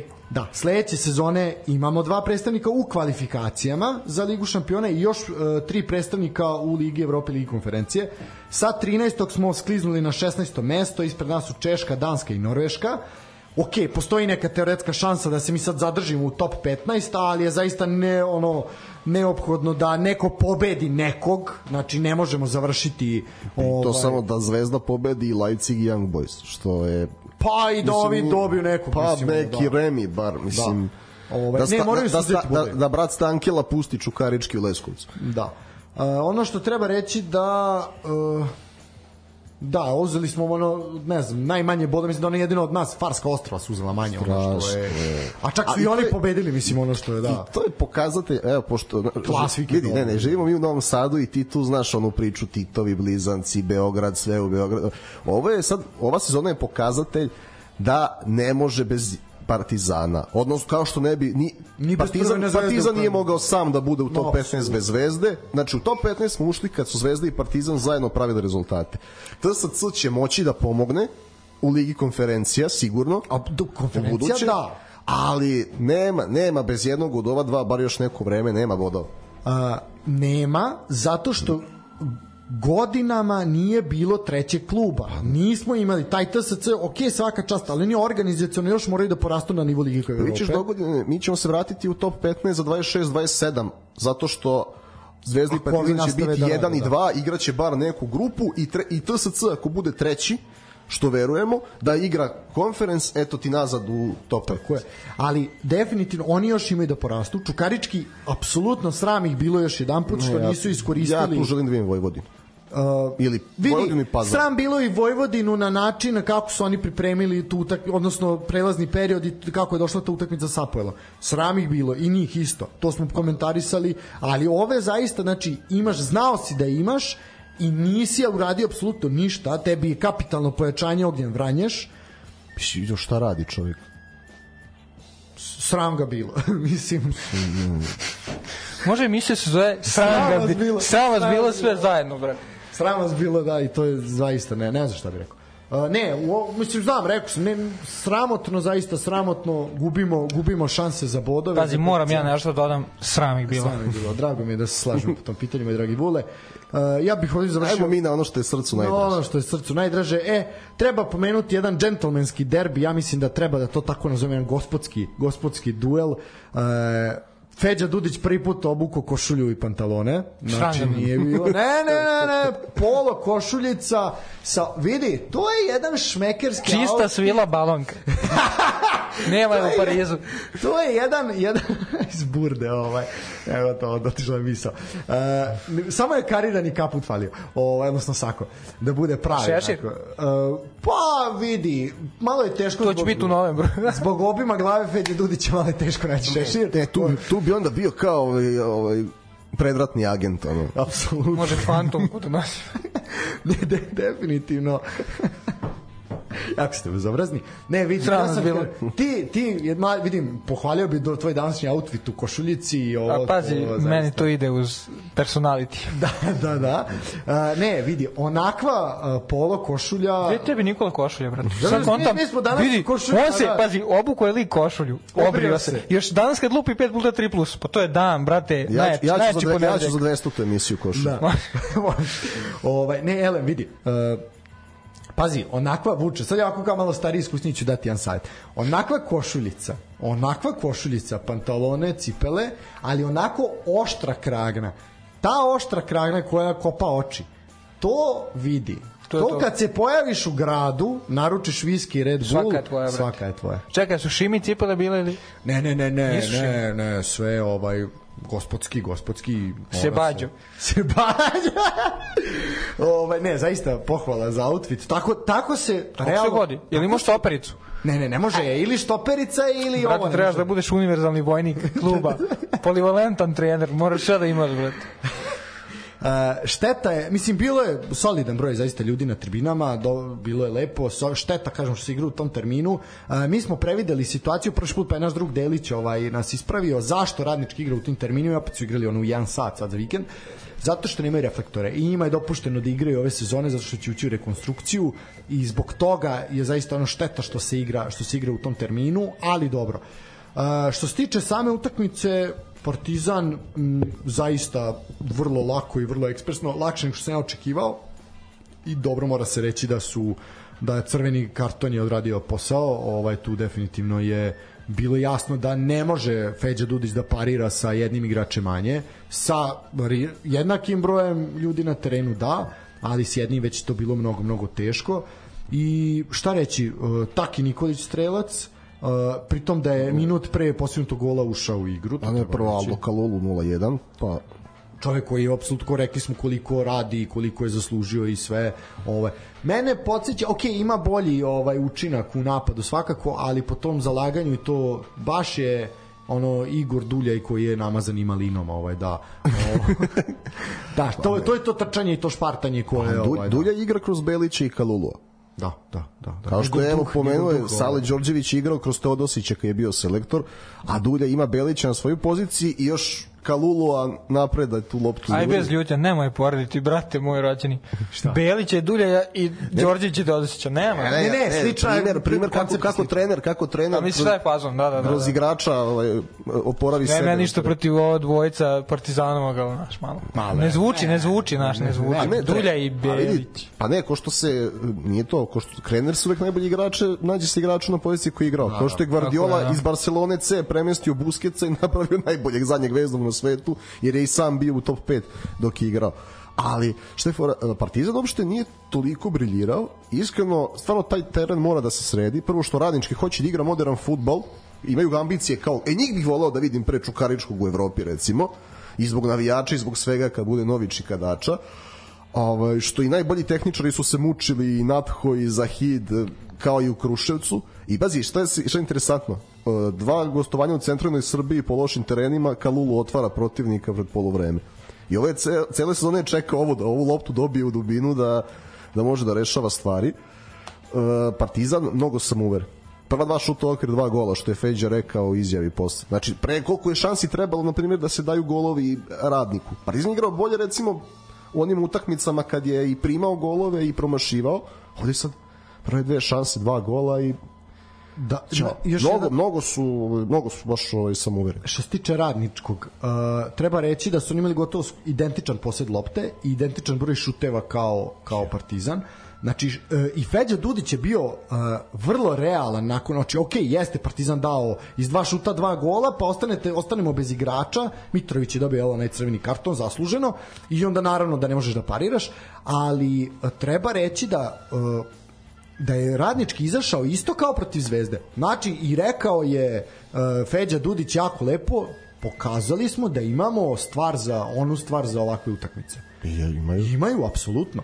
I i Kohones je bio prisutan, vidi. I znaš što je još bitno? Radnički je igrao bez Zorića sa tek oporavljenim Vidosavljevićem koji ulaže u drugom polovremenu, a ovo je opet za Partizan važno jer je igrao bez Belića i Kanuta. Znači, Natko je morao da se povuče Šćekić koji znamo da nema neku sezonu i kad ulazi iz klupe, počeo odradio je posao, da kažeš korektno, mada ne može da ne dobije žuti karton. I ovaj, ono što je pohvalno mladi Mateja Stjepanović, asistencija uh, Takiju za dru, njegov drugi gol, odnosno četvrti, tih 15 minuta na terenu. E, tako da, eto, to je ono što je zaista bitno za Partizan i za ovo kolo. Posle smo videli kad se Luka Zorić vratio, doći ćemo i do toga. I šteta, stvarno šteta što nije igrao ovu utakmicu. Uh, apsolutno. E, znaš šta moram da pohvalim? E, izvini, Partizanove klince. Da. Zato što igrao se isti dan, setio se sad zbog Stjepanovića kad je Dulje rekao da nije igrao s njima, znači 4-0 prošli su u Univerzitateu, čeka se naredni rival u Ligi šampiona za mlade, Zvezda je vodila protiv Leipziga, eto, oslabljena na igranje Mijatovića, Nedeljkovića i društva i na kraju je to popustila. Baš su falila tri igrača tamo da... Uh, idemo dalje. Uh, treba, ono što treba napomenuti, samo, vam- evo ga, uh, ovako, utakmica koja je otvorila kolo, a gde smo mi popadali na etiketima odma, ovaj, to je Javor napredak. Uh, Iz 3 plus igrao, a? nisam 1 do 3, Nisi? ja sam jedini pogodio tu utakmicu, vi vas dvojice ste pali. Ovaj, tako da, dečko, molio bih te ovaj, da Ne, ne, ne, ja volim isto 3 plus. E, ovako, posle sjajnog izdanja zaista na Rajko Mitiću, futbaleri Javora su onako dosta slabi bili protiv napretka. Kruševljani su došli do svoje treće pobede, drugi na gostovanjima. I sve je bilo rešeno zaista u prvih 20 minuta kada je Bojović došao do dva pogotka u 11. i u 19. E, ono što je rekao, imao je posle izjavu za Mozart Sport, a rekao je da će igrati do 40. godine i da mu je cilj da postigne 120 golova 120 golova u a, Superligi Srbije i to je Znači upola koliko dao Voju bi pare. U suštini da. ovaj, ovo je koliko ja, ako moja računica tačna, ovo mu je 103. gol 103 gol, o, sa ova dva 103 je postigao, jel? Tako da, zaista... Bez ova dva. 101. Da, matematika A, da, 101. 101, da. Tako da, zaista, svaka čast ovaj Bojoviću, uh, momci su rešili u prvih 20 minuta, posle su zaista je to bilo onako iskusno odrađivanje posla, tako da uh, bilo je lakše gostima u 34. minutu kada je isključen igrač domaćih Tojčić, tako da onda su još lakše došli do tri boda. Tako da Javor. Javor se emocionalno izgleda istrošio na Marka. Da, jeste, mislim, znaš kako, a kad uđeš u utakmicu, da u prvom polovremenu nemaš fokus na prekidu, jasno ti je sve, ali pored toga ja nisam vidio ništa specijalno napretka. Oni sa igračem više gotovo da nisu imali šansu za treći gol. Pa, da ni ono- je kod da nisu ni hteli, da. Ne, ali ono što smo pričali, baš su, spora su ekipa i trom. Uh, pojavila se vest, Mladen Dodić koji inače tamo vrši funkciju sportskog direktora, koliko ja znam, on je uh, VD trener. Da, sad je vršao dužnosti s tim da se pojavila informacija da bi Vladimir Gaćinović mogao da preuzme i da je on već načelno dogovorio ovaj saradnju sa napretkom i verovatno se čekalo sad ova utakmica međutim koliko ja vidim danas vest nije objavljena. Ovaj sad ako je to zaista tako iz nekih izvora čekamo i mislim da bi bilo zaista lepo vidjeti ponovo Gaćinovića ovaj u u ovaj u Superligi Srbije. Tako da vidjet ćemo. Uh, što se tiče što se tiče dobro naravno kola to ćemo to ćemo pričati kad budemo došli do toga i šta čeka napredak uh, bratski derbi to je utakmica o kojoj bih ja zaista najmanje pričao ovde to je Radnički Niš Spartak eto prvi remi Spartaka u sezoni i to se desilo tek u 14. kolu A, imali su Subotičani prednost do 67. minuta, Todorovski je bio strelac odmah na otvaranju, Ivelja je u 67. lepim golom zaista ovaj, e, kažem, poništio to vođstvo. Ono što bih ja dodao i što mi zaista nije jasno zašto se neke stvari dešavaju, a to je čemu zvižduci za kapitena radničkog Aleksandra Pejovića, čovek to, koji ne to je neshvatljivo. Čovek koji uh, ok greši, svi greše, ovaj, ali čovjek koji toliko borben, toliko prvo toliko sebe daje, toliko godina je tu. Ispali bi iz lige bez njega prošle godine. Uh, apsolutno. Čovjek koji ima, pričali smo o tome koliki broj presečenih lopti, oduzetih lopti ima, koliko uspešnosti dodavanja, koliko, koliko uopšte dodavanja zbirno ima. Znači, čovjek koji je zaista srce i duša tog tima. I š, prava je šteta što nemaju još takvih igrača sličnih. Ne, mislim, mislim po borbenosti, po želji, ali ne, ne, ne profilom. Ovaj, I ti onda jedva dočekaš da mu zviždiš, ono kao zašto, kao... Te, teška publika. Okej, okay, ali... Te, mislim... ne, imali su i sa drugim ljudima, nisu mi jasni, ali to ono kad ne gledaš pa ne razumeš, znači Pejović je igrač zadatka. On ne treba, e, njemu je nametnuta uloga da bude sve i svja, a on treba da bude to što si rekao, da preseče loptu i da doda pravovremeni pas napred nekom prvom do do sebe. Radnički, radnički treba pored Pejovića da ima nekog svog Natha, Ivanića, Kataija, nekog ko će to da vuče na taj način. Ali da očekuješ od Pejovića da radi sve. I kaže greši u predaj lopte. Pa naravno da greši kad mu daješ pogrešnu ulogu. Ja mislim da iskreno da on kad bi promenio klub i znači unutar Superligi samo da nađe drugi klub i da ima svoju ulogu, ima još tri godine futbala, dobrog futbala.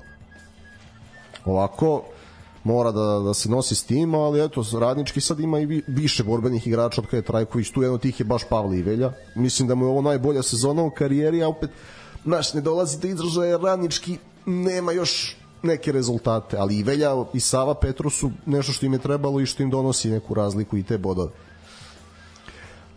Sve si lepo rekao. Uh, ja bih išao dalje. Hajmo, hajmo da, dalje. Hajmo dalje. Idemo u Surdulicu na bombonjeru. Uh, još jedna pobjeda železničara.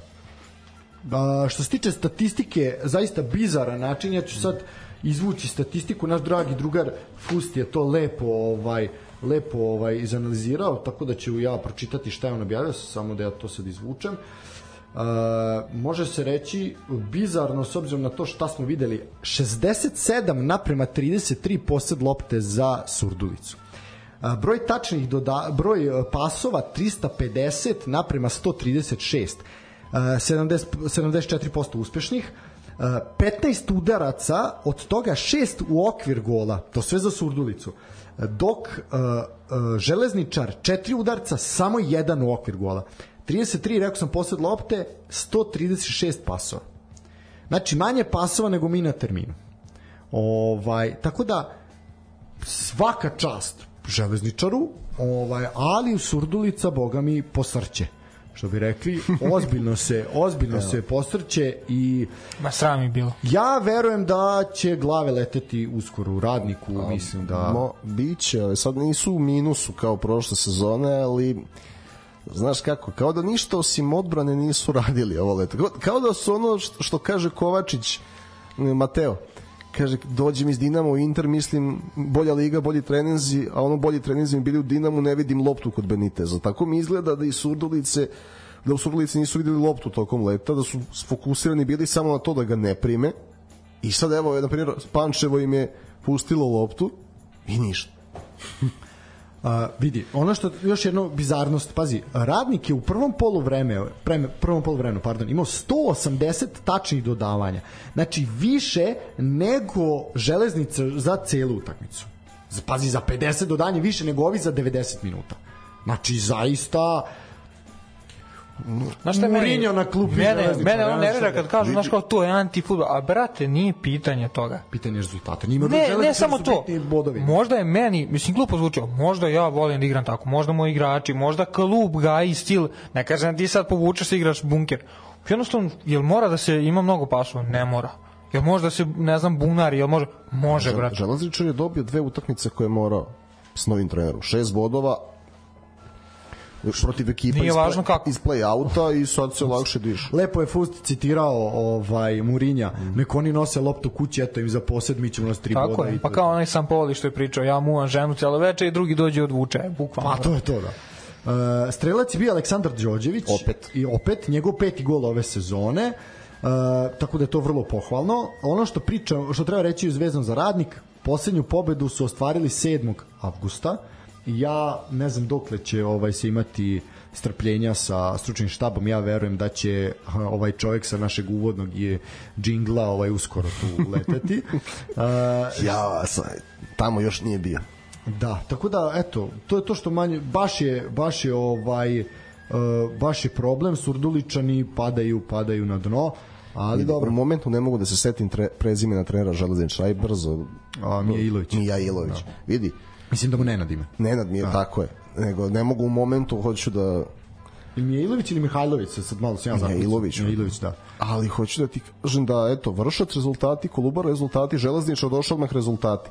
Sad ja, e, pri čemu ono kad sam gledao Kolubaru na ovim streamovima prve lige Srbije nisu bili nešto defanzivni. Tako da čovek očigledno ima kontinuitet rezultata u tri, dva kluba i sad je počeo dobro u trećem, zasluženo u Super ligi i da vidimo, Pančevo ima nekoliko interesantnih igrača, oni imaju potencijal da igraju brže, ne moraju da imaju visok posad, ali iz kontra mogu biti jako opasni preko Grgića, preko Đorđevića, mislim da, da zaista nisu ekipa onda baš da tako, da tako lako ispadnu, da ostanu na jednocifrenom broju bodova za polusezonu. Ima tu više kvaliteta i u napadu i odbrani. Eto, to, to je sve što treba reći. Uh, idemo dalje. Uh, IMT je na... Imaju lep teren. da, I, to, to svakako. To svakako. IMT je na krovu tržnog centra dočekao Crvenu zvezdu.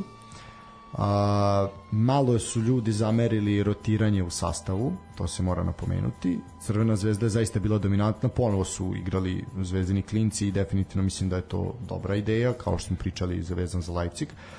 A, mislim da je da nije bilo golmana IMT-a bilo bi mnogo više ovaj mnogo veća ovaj prednost. Dobro, tu možemo gledati se baš... radi o rezervnom golmanu IMT-a. Da, malo ta, ta rotiranje malo sastava IMT-a malo bih to se Gledao sam baš ceo meč bukvalno od prvog do poslednjeg minuta i to je bukvalno može se napraviti paralela sa ovim ovaj donekle železničar i, i ovaj radnik Džaba, brate, i šta je Zvezda dobila tim? Znam, napadali su sve vreme, stalno se igra na ovoj polovini, ajde zanemari prosje, ovaj, posle loptu i to, ali šta si dobio? Da ti strepiš zemljače od IMT-a do poslednjeg minuta. A naravno nisi strepeo, ljudi su imali jedan udarac okir gol. Znam, ali slušaj, ko, mislim da u 74. pao gol. Brate, na 2-1 strepiš od svakog. Dobro, Mislim, okay, strepiš. Da, dobro, strep, Nije, da, ali, da ali možda se desi svašta, brate. Može u 95. da ga daju, razumeš? Ne, no, okay, da, pravo si. To je čovječ reši to u prvom poluvremenu daje četiri gola, pa onda budi neefikasan. Mislim, bez veze. Ne znam kako drugačije da kažem. Ne znam, ono. Pa jeste mislim, bilo te neke neprijatnosti nakon što su primili gol, ono bilo će sad... Sve razumem da nije, nije to sad Bayern, razumeš, pa mogu sve da tuku sto razlike, ali to je reši to. Mislim, što ti kažeš golman, golman klinac, što Nikola kaže drugi, možda dečko branio stvarno majstorski. Ne, ne, vrhunsko. Ne znam, ili imate neke informacije za Glazera? U, za šta tačno? Pa povređen. Za povredu, pa... Za povredu, ne. Još uvek ne. Ono što je bilo za, što ima za Glazera, što vidim to je koliko je izvuč, izvučenje neki prosek i to a, u odnosu na Borjana. A, u suštini a, Glazer ima a, 50% je čistih čaršava, Borjan ima 37% utakmica, odbrana po utakmici imaju po dve odbrane po utakmici, e, a primljeni golova Glazer 0-9, Borin 1-1. Tako da ta priča o Glazeru kao ne znam kako boljem golmanu malo sad on statistiku malo pada u vodu.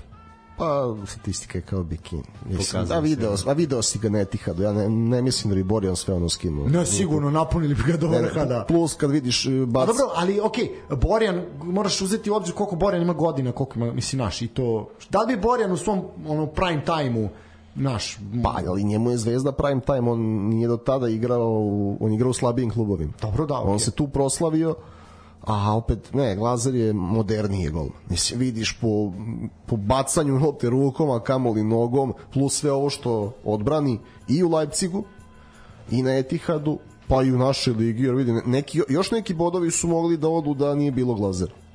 Izuzev, gde je ono pogrešio, na, izuzev Banovog brda, što je stvarno njemu na dušu, konstantan. Apsolutno. Uh, Da, stiglo je pitanje za Krasoa, samo moment. Stiglo je pitanje za Krasoa. Uh, da, ajde rećemo Radoča je bio strelac za, za IMT. ono što Opet, treba pazi, još jedan gol rada. Da, ono što treba, jedna jako zanimljiva i lepa slika je bila, a to je slika Lučića i Lukovića. Svežem da je i Lučić bio u IMT-u i baš to onako pokazuje uh, imala je, znaš, bilo mi jako drago, znaš, kao taj momak je bio tu nedavno. Ok, bio je posle u Čuki, ok, odigrao je tu jednu dobru, dobar, dobar jedan period, ali ško, bio je tu i, i pokazao je tim momcima radite i bit ćete vi tu gde sam ja. Znači, možete doći do toga. Ali ima kvaliteta da, da, da se neko pojavi. Ima sigurno. Ima. Tako da, meni je, meni je to, zato jako pozdravljam tu pri, taj, taj moment slanja, evo, prva četvrtina je završena 25-17 za Crvenu zvezdu, ovaj, taj moment slanja uh, igrača na kaljenje u, na, u Superligu Srbije. Znači, dajte u, u TSC Čukarički, IMT, Surdulice, Lučić je. IMT u prvu ligu. Ali IMT je već u prvoj ligi e, dovodio drugačiji tip trener igrao drugačiji futbal. Znači, džaba ti da šalješ igrača na kaljanje ako ga šalješ u surdulicu. Šta će, šta će on da igra u surdulici? Dobro, okej. Okay. Moraš da, ako ti šalješ u voždovac u IMT, onda to ima rezona. Pa dobro, pronađeš za njega klub e. s koji se igrom odgovara njemu, jel, ajde. Naveo sam ne primer ne, za- manjih sredina, to, to, je to je bilo e, poenta. to, naravno. Ne, ne, pazi, ima sigurno i sada kad bismo uzeli da imamo vremena, ovaj, sigurno imaš ekipe u prvoj ligi koje su bolje za razvoj nego neke superligaške ekipe za mladog igrača. Apsolutno. Sigurno. bez priče. A, dobro, za Krasoa. Kaže ovako, da li je Kraso uh, naj... m, Ovako je posljedno pitanje. Da li je Kraso najbolji futbaler u našoj ligi koji možda ima najveći problem u glavi? A šta? Trenutno. Ali koji on problem zapravo ima? Ja ne vidim. pitanje, da, ne ali, znam. ali taj problem su taj problem je napravio Darjan Medeljković sa svojim naslovima. Koji problem Kraso ima? Ne može sam. Bilo je pitanje Kraso kao starter isto. Zašto ga nema kao starter u Ligi šampiona? Zato što je NDI je plaćen 4 miliona, a Kraso došao kao slobodno. To ne, ali... Šta ste misli da neće da igra ako je plaćen 4 milion bonusa i Hvank 5, pa kakve god da su formi, njih dvojica će da igraju. To sam već rekao ono kad je bilo za rukomet, brate, mislim, naravno mi možemo komentarišemo, ali ne da, ne da, ne da nije da nas, nego, brate, bukvalno ono, šta god sada kažemo, Pa, nema veze s vezom. Dobro, da li mislite da je Kraso jedan od najkvalitetnijih futbalera u Ligi? Jeste, mislim, nema, nije to upitno. To Pa, to je, vidiš pa, po... po, pogledaj, pogledaj samo ovaj gol i ovu tehniku udarca. Znači, prvo 90% igrača bi gurnulo pas u dubinu po inerciji.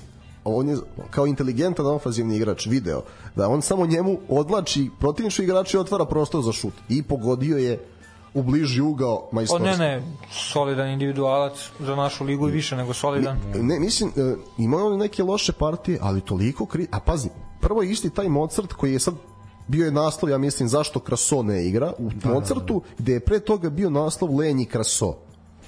Ja, ja stvarno e, prave, prave dečku pakao od života. Ako njemu, nadam se da mu to niko ne prevodi. uvo. Pa ja se nadam. Pa nadamo se, pazimo da sede oni čitaju naš. Pa ne, kažem, Ne, prič, ne pričao je, pričao je skoro i dulje to. zn- Znam koliko igračima teško, govorim im isključite se iz toga, isključite se iz toga, ali nekad i ne mogu.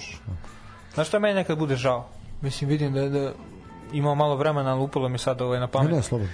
ovaj, za Maguire.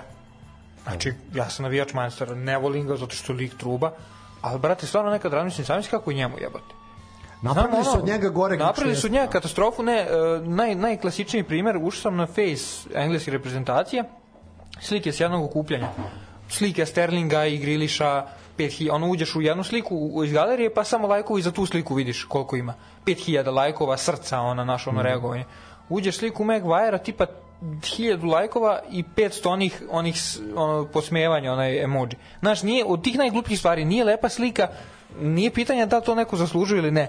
A zamisli kako je njemu jebote zemlja od, od toliko miliona ljudi, futbalska nacija, nije mu lako, nikako mu nije lako, a ima veliko Ja, breme. ja mu se divim. Ne, ne, stvarno, stvarno, jako To je teško. pritisak zaista. Ako To je, pazi, kapiten engleske, najveći, da. zamenik ili, ili je- jeste, nije.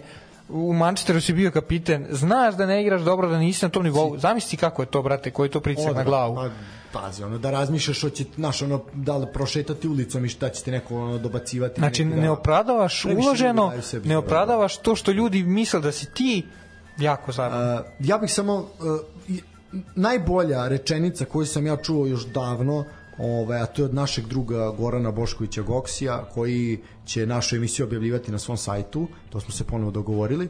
A, to je da poruka za navijače čiji kogod kluba, koje god reprezentacije, sve, a to je da svoje meso ne jedete. Znači, svoje igrače, u redu je kritikovati. Pogrešio si, ok, kritika je u redu, ali nemojte pljuvati zato što postoje. A to mi radimo. Šta god da urade, ne mi, nego Pa naravno, ljudi naša. pa mislim. I svi ljudi rade. Znači, nemojte pljuvati samo zato što postoje. Znači, u redu je osnovana kritika, ali ajde da imamo meru. Treba tim ljudima dati podršku, jer vidi se koliko im Pa, znači. evo ja ću dati primjer baš tog Megavajera, pošto imamo to današnje praćenje futbola. Sedim u kladionici, gledam telefon i podignem e, glavu kad komentator podigne ton. I onda ja vidim da je Megavajer pogrešio svojih 16 i pljujem po Megavajeru. A ne vidim da je pre, tome prethodilo, da je neko pogrešio na sredini, da napadači ne igraju pressing, da taj Megavajer umesto da pokriva 5 metara prostora pokriva 35 zbog tuđih grešaka i da onda on takav, a nije najbrži igrač na svetu ni među štoperima, mora da donese odluku na koga će da ide, pa pogreši malo u raskoraku, što kaže Johan Cruyff, futbol je igra metra. Ako imam jedan metar ispred sebe, najbolji sam odbran i ako imam 30, najgori sam. Tako je. To je to. Tako što se tiče toga, e, a ovo za Krasoja neosnovno, jer je čovjek fantastično otvorio sezonu i odmah je digao standard I onda, posle prve loše utakmice, ta priča o nekoj lenjosti i glavi, ja zaista ne znam, možda postoji nešto iznutra u Zvezdi, ja nisam video da je on toliko kritičan, imam neki drugi igraju mnogo lošije našu ligu, pa opet nisu u naslovima. Dobro, ajmo dalje. Uh, dolazimo do druge utakmice Radničkog iz Kragovica koju ćemo prokomentarisati. Uh, Rapsodija, znači kadači. Rapsodija.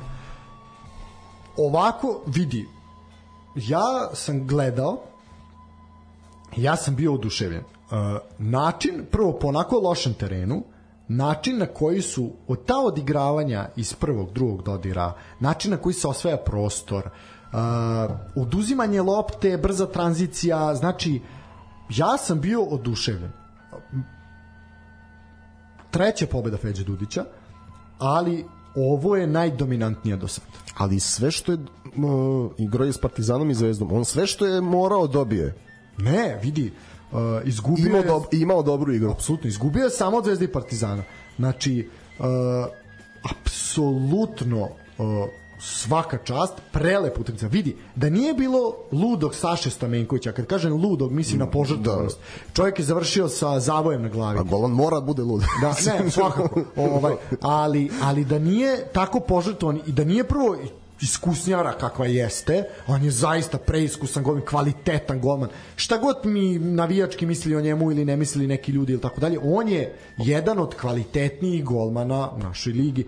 I, Trećina, To sa, sa 30 plus godina. Trećina- Bliže je 40, jeli? Ne, da, apsolutno. Znači, sad, uzmimo u obzir koliko godina čovjek ima. Tako je, da nije bilo njega, da je bio bilo koji drugi golman, Tipa Glazer. pa ajde recimo Carević, Carević. Care, da je bio Carević na golu uh, Lučana. U mreži bi bilo jedno plus. osam komada bi bilo. Znači, svaka čast. Stamenković je izvukao Lučane da prime samo četiri komada šta je čovjek radio i šta je branio i šta su ovi, mislim, ni, ni, jednostavno ono, izlazi iz krati ugao i to je to. Uh, pse, seča lopti, centar šuteva, boksu, znači vidi, spaso ih je bruke. Uh, ono što treba reći i što je negde pored ovoga glavna, glavni moment to je da je Sivić, rekli smo, preuzeo uh, vidi se da su igrači zbunjeni i vidi se da su oni bili onako u nekom problemu. Imala je mladost neke svoje šanse, uh, ali su ti udarci uglavnom završali van okvira gola. Mirić je imao onu jednu šansu gde je zaista mora bolje da šutira. Nisam siguran da je bio trenutak. To smo rekli, nismo bili sigurni da je trenutak za smenu Savića i pokazalo se da smo bar za sada bili Apsolutno. U pravu. Uh, ono što to je to je drugi momenat, znači taj momenat mladosti koja je zaista bila onako izgubljena, nekako zbunjeni su bili, kažem, bilo je nekoliko šansi, Leković je dobro intervenisao, ali bilo je jednostavno da su fa, tačno je falila koncentracija da, pazi, Mirić je preiskusan igrač da onako loše reaguje, znači to, to baš je onako izgubio bio korak. Uh, ono što je najveća možda, najveći utisak koji se ostavio za kraj, to je partija nazvali su ga na portalima srpski Gennaro Gattuso uh, potez, potezi i partija Luke Zorića, kapitena na omeču. Kakav, ga- kad bi ga tu zadao savršeni hetrik? Nikak. O, ovaj, ne može na terminu. Ovaj, Ja tri krljanja, brate, da. mogu bi tri crvena da napravim. Može tri ne. ključne kosti da To je to. ali Da, da, da. Ovaj, šta bi bio, šta bi bio Gattuso hat-trick? Ključna kost, koleno, Zglob. Glava, brate, Zglob, ne, ne, zglob, pa zglob. Zlob, skoči zlob, da to lomi, lomi, da. Ovaj, čovek je prvo postigao gol, ali kakav, ja bih voleo, evo da mi ono što ću, što bih zamolio sve, ko nije gledao utakmicu, pustite highlighte, highlighte su negde oko 10 minuta. Pogledajte kretnju Zorića, pogledajte način na koji on, gde je on stizao, on je, on je bio kao brzi voz. Znači, prvo udar, fantastično se snašao čovjek levom nogom i kakav pas su mu ostavili sa igrači, znači sjajno, levom nogom, desnom nogom iz okreta, ok, imao je malo i sreće, ali dobro, i na kraju, iako ne da nije najviši na terenu, na kraju gol glavom. Fantastična partija, koliko što sam video uh, u Mozartu, da je uh, prvi igrač koji je ove sezone ocenjen uh, ocenom preko 9. Ovaj, Koliko dobio? mislim da je 9-1 tako nešto 9-2 ovaj čak i Sofa Score isto je ovaj bila bila je dosta jaka ocena zasluženo igrač kola znači apsolutno uh, savršeni hat-trick što se kaže i onako apsolutno moglo je i ubedljivije što najgore ovaj ali zaista Kragujevac fantastičan ovaj i Da li sad misliš da sad o- ta naša euforija koja je bila dolaska Feđe Dudića? Pa ne, nema šta, jasno meni bilo čim vi tako pričate o njemu, o superlativima, ovo ono, i malo kroz prdnju, malo kroz bilju. A nema šta, mislim, ja koji ga realno ne znam, koji sam pročitao na, na, na, Google i to, radi čovjek posao, nema šta. Interesantno je to što si rekao, isto zanimljiva stvar, ovako sa strane to odevanje i to, isto ono privlači pažnju. Interesantan lik i svaka čast za ekipu i za njega. jako dobre izjave, jako je zahvalan u radu s novinarima, nema floskula, nema opštih mesta, nego zaista kaže kako jeste, ali to imamo nekoliko takvih trenera. to, to da dodam sad, dobro si me podsjetio, ovaj, što kaže ovaj da sam i šlagvort. Ovaj, nisam pričao s njim do sada, ali kažu da je Ranko Popović, ovaj novi trener Voše, neverovatan, kažu za medije. Jeste, jeste. Toliko čovjek pristupačan. Danas sam pričao nešto s njim, ali kratko, ali toliko kažu da je druželjubiv, ono, pristup, znači bez, tu si gaš, nije ne lupeta, nego otvorena priča s tobom, sednemo, popijemo ovo, ono, tako da pohvala i s te strane. Ne, imamo jednu garnituru sada trenera zaista u Superligi s kojima se može razgovarati. Gde to nije, svi danas igraju futbol, lopta je okrugla i tako dalje. Ne otaljavaju, znaš, ne Presekao se gol na otaljavaju. početku drugog polovremena. Da, da. Ovaj, znači, tu Savić iz Voždovca, Popović, Duljaj, uh, kako se zove, uh, Feđa Dudić, znaš, tu, su- to su ljudi koji zaista... I je pre toga Miloš Milojević, to apsolutno. Da, da, da, da. Žarko Lazetić, pa čak i Dobrašinović. Ne, kako ne čak, nego sigurno. Apsolutno. Trajković koji se nudi često, ali dobro sad je. Ne, ne, struka se popravlja, ne, i igrači, pazi, evo, uh, taj Luka Zorić, njega se u Čukaričkom nije verovalo. Nije se verovalo u Ergilaša, recimo. Nije se verovalo dovoljno možda ni u Čolovića, ni u Vidosavljevića. A svi u svojim klubovima igraju, ne, igraju odličan futbol. Jednostavan, onako kako volimo da gledamo. Pohvale Zoriću. Baš je on, baš je on falio protiv Partizana da to bude doživljaj, o, Vidosavljević i on i Belić na drugoj strani da onako ta energija jedne dobre utakmice budu još jača i samim tim i rezultat neizvesniji. I ovaj, ne znam, del, deluje mi, ovaj, bit će nadam se prilike da pričamo s Feđom, meni baš deluje da se ono ugleda na bundesligaške trenere. Da želi to, znači, kad oduzme loptu, prvi pas u napred, pa To šta je ta želja Bosanca za Njemačkom, to je To- ta, vekovna, ta vekovna težnja da se ode na tu stranu, da. O, dobro. Uh, ne, nahvalili smo ih za sve pare, ovaj dnevnicu će nam uplatiti ovaj kasnije, da. Ali, Nema šta. Ne, zasluženo sve. Zasluzi mladost. Dva loša dana, mislim da ne treba ni tu i oni dobiju sad više kritika nego što treba, ja ne znam zašto. Dve loše utakmice, možeš misliti. Uh, idemo dalje, idemo na Banovo brdo. Uh, Banovo brdo je jedno ludilo, totalna utakmica, sve smo videli, nažalost bilo i nekih ružnih scena. Uh, statistički gledano vrlo izjednačena utakmica, Vojvodina je vodila 2-0 i opet ovo je treća utakmica za redom da Vojvodina u kratkom razmaku od nekoliko minuta postiže dva pogotka. Uh, bilo je tako protiv uh, radnika, pa je prvo, kako se zove, Campbell pa Vukanović, Vukanović je opet bio strelac, prvo Zukić pa Vukanović, Vukanović u treća utakmica zaredom da je strelac. Uh, dobro su otvorili, međutim Kovač je smanjio na 2-1 i onda je Singu u 85. minutu e, dosta moram, koliko god je napad bio dobar i koliko god Vojvodin igra napadački i sve, e, realizuju se te šanse, ipak odbrana, odbrana je problem, odbrana jako popušta, to su tako neke greške, koncentracija, padovi, ostavljanje protivnika, prostor, baš, baš, baš onako problematično je što se tiče toga i pričao je Ranko Popović o tome uh, kako su radili u elementima napada, kako je vrlo zahvalan uh, rezultatima koji su ponosa na, na igrače i šta su uradili u toj pauzi reprezentativnoj da se u nekim elementima igre ka napred i to je sve, sve jako lepo i to se vidi. Pa ali nije, više nije Dejan Zukić i spori ritam band. Ne, ne, apsolutno. Totalno drugačija krvna slika. Ali ono što je problem je problem nast. Sad je odbrana je ozbiljna problem. Sad je, sad je onaj moment, ne možete vi da date toliko koliko ćemo mi da primimo. I to je yes. negde... Fali to, neka, to neko rutiniranje. Fali da sigurni ti, golman. Definitivno. Carević je vreme za klupu. Znači, Carević mora na klupu pod hitno. Ovaj, koliko kogod da stane, staću ja ako treba, ali zaista... Nemoj, brate.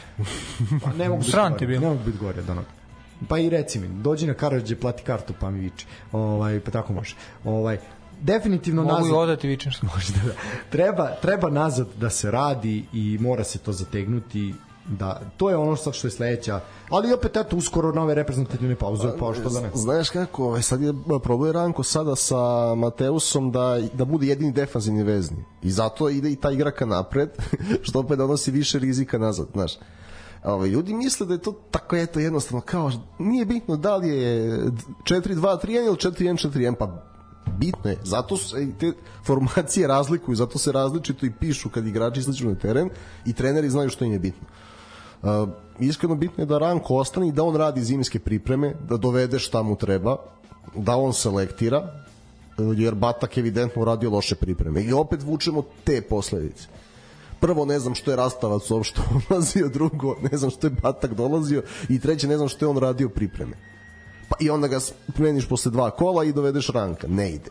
Tako da sad uh, Vojvodina opet i pored svih uh, loših partija, grešaka, uopšte nije daleko od trećeg i četvrtog mesta. Apsolutno. Vi I vidi se uh, energija i želja i tu neki novi klinici za Vojvodine može to da bude jedno kvalitetno proleće. A sad da, da skupljaju bodove. Ja. Što se tiče, ovo je prvi, prvi remi Vojvodine posle eto, dva meseca ali Čukarički kao i ne, jedna od ekipa o kojoj ćemo naredno pričati TSC, evo već mesec dana bez, bez triumfa i to ono što smo pričali jednostavno loš urađen prelazni rok na tri fronta se igra i tu je problem. Ne bi mene iznenadilo da Čuka kiksne u kupu to da se desi neko Smederevo da ono u napenale. Sukim, sukim su oni sad. Doći ćemo do kupa pa ćemo. Da, da, da. Ovaj, ali zaista po ovome mislim da više Čukaričkom nije bitno ko je protivnik. Da sad izađe ne, sa 11 retosa i da Daško bude u napadu, bilo bi svega. Ovaj, Jeste, baš u test je fazon. Pa, ali to je to, isti je problem, razumeš, apsolutno isti problem. Nije dobro urađen, odnosno tanka klupa, previše, previše se igraš, kvalitet TSC igra i kvalitetnije takmičenje. Mnogo bi lakše bilo da je TSC u konferensu, ne bi bilo ovih problema. Bilo bi. Bilo bi, ali možda ne u ovolikoj meri. Ne, bilo bi zato što je puto, uh, Putovan, ritam da. je četvrtak nedelje je težak ritam i, i boga, gledaj, Leverkusen, Freiburg, na primjer, sad utakmica da učesnika Lige Evrope sa samo dva dana odmora, vidi, tačno vidiš posljednjih pola sata, vidiš Problem. trener razmišlja šta da menjam, koga da menjam, kako da osvežim. Sve treba menjati realno, ali da. da. Tako je. Uh, dobro, to smo rekli. Uh, idemo dalje. Partizan...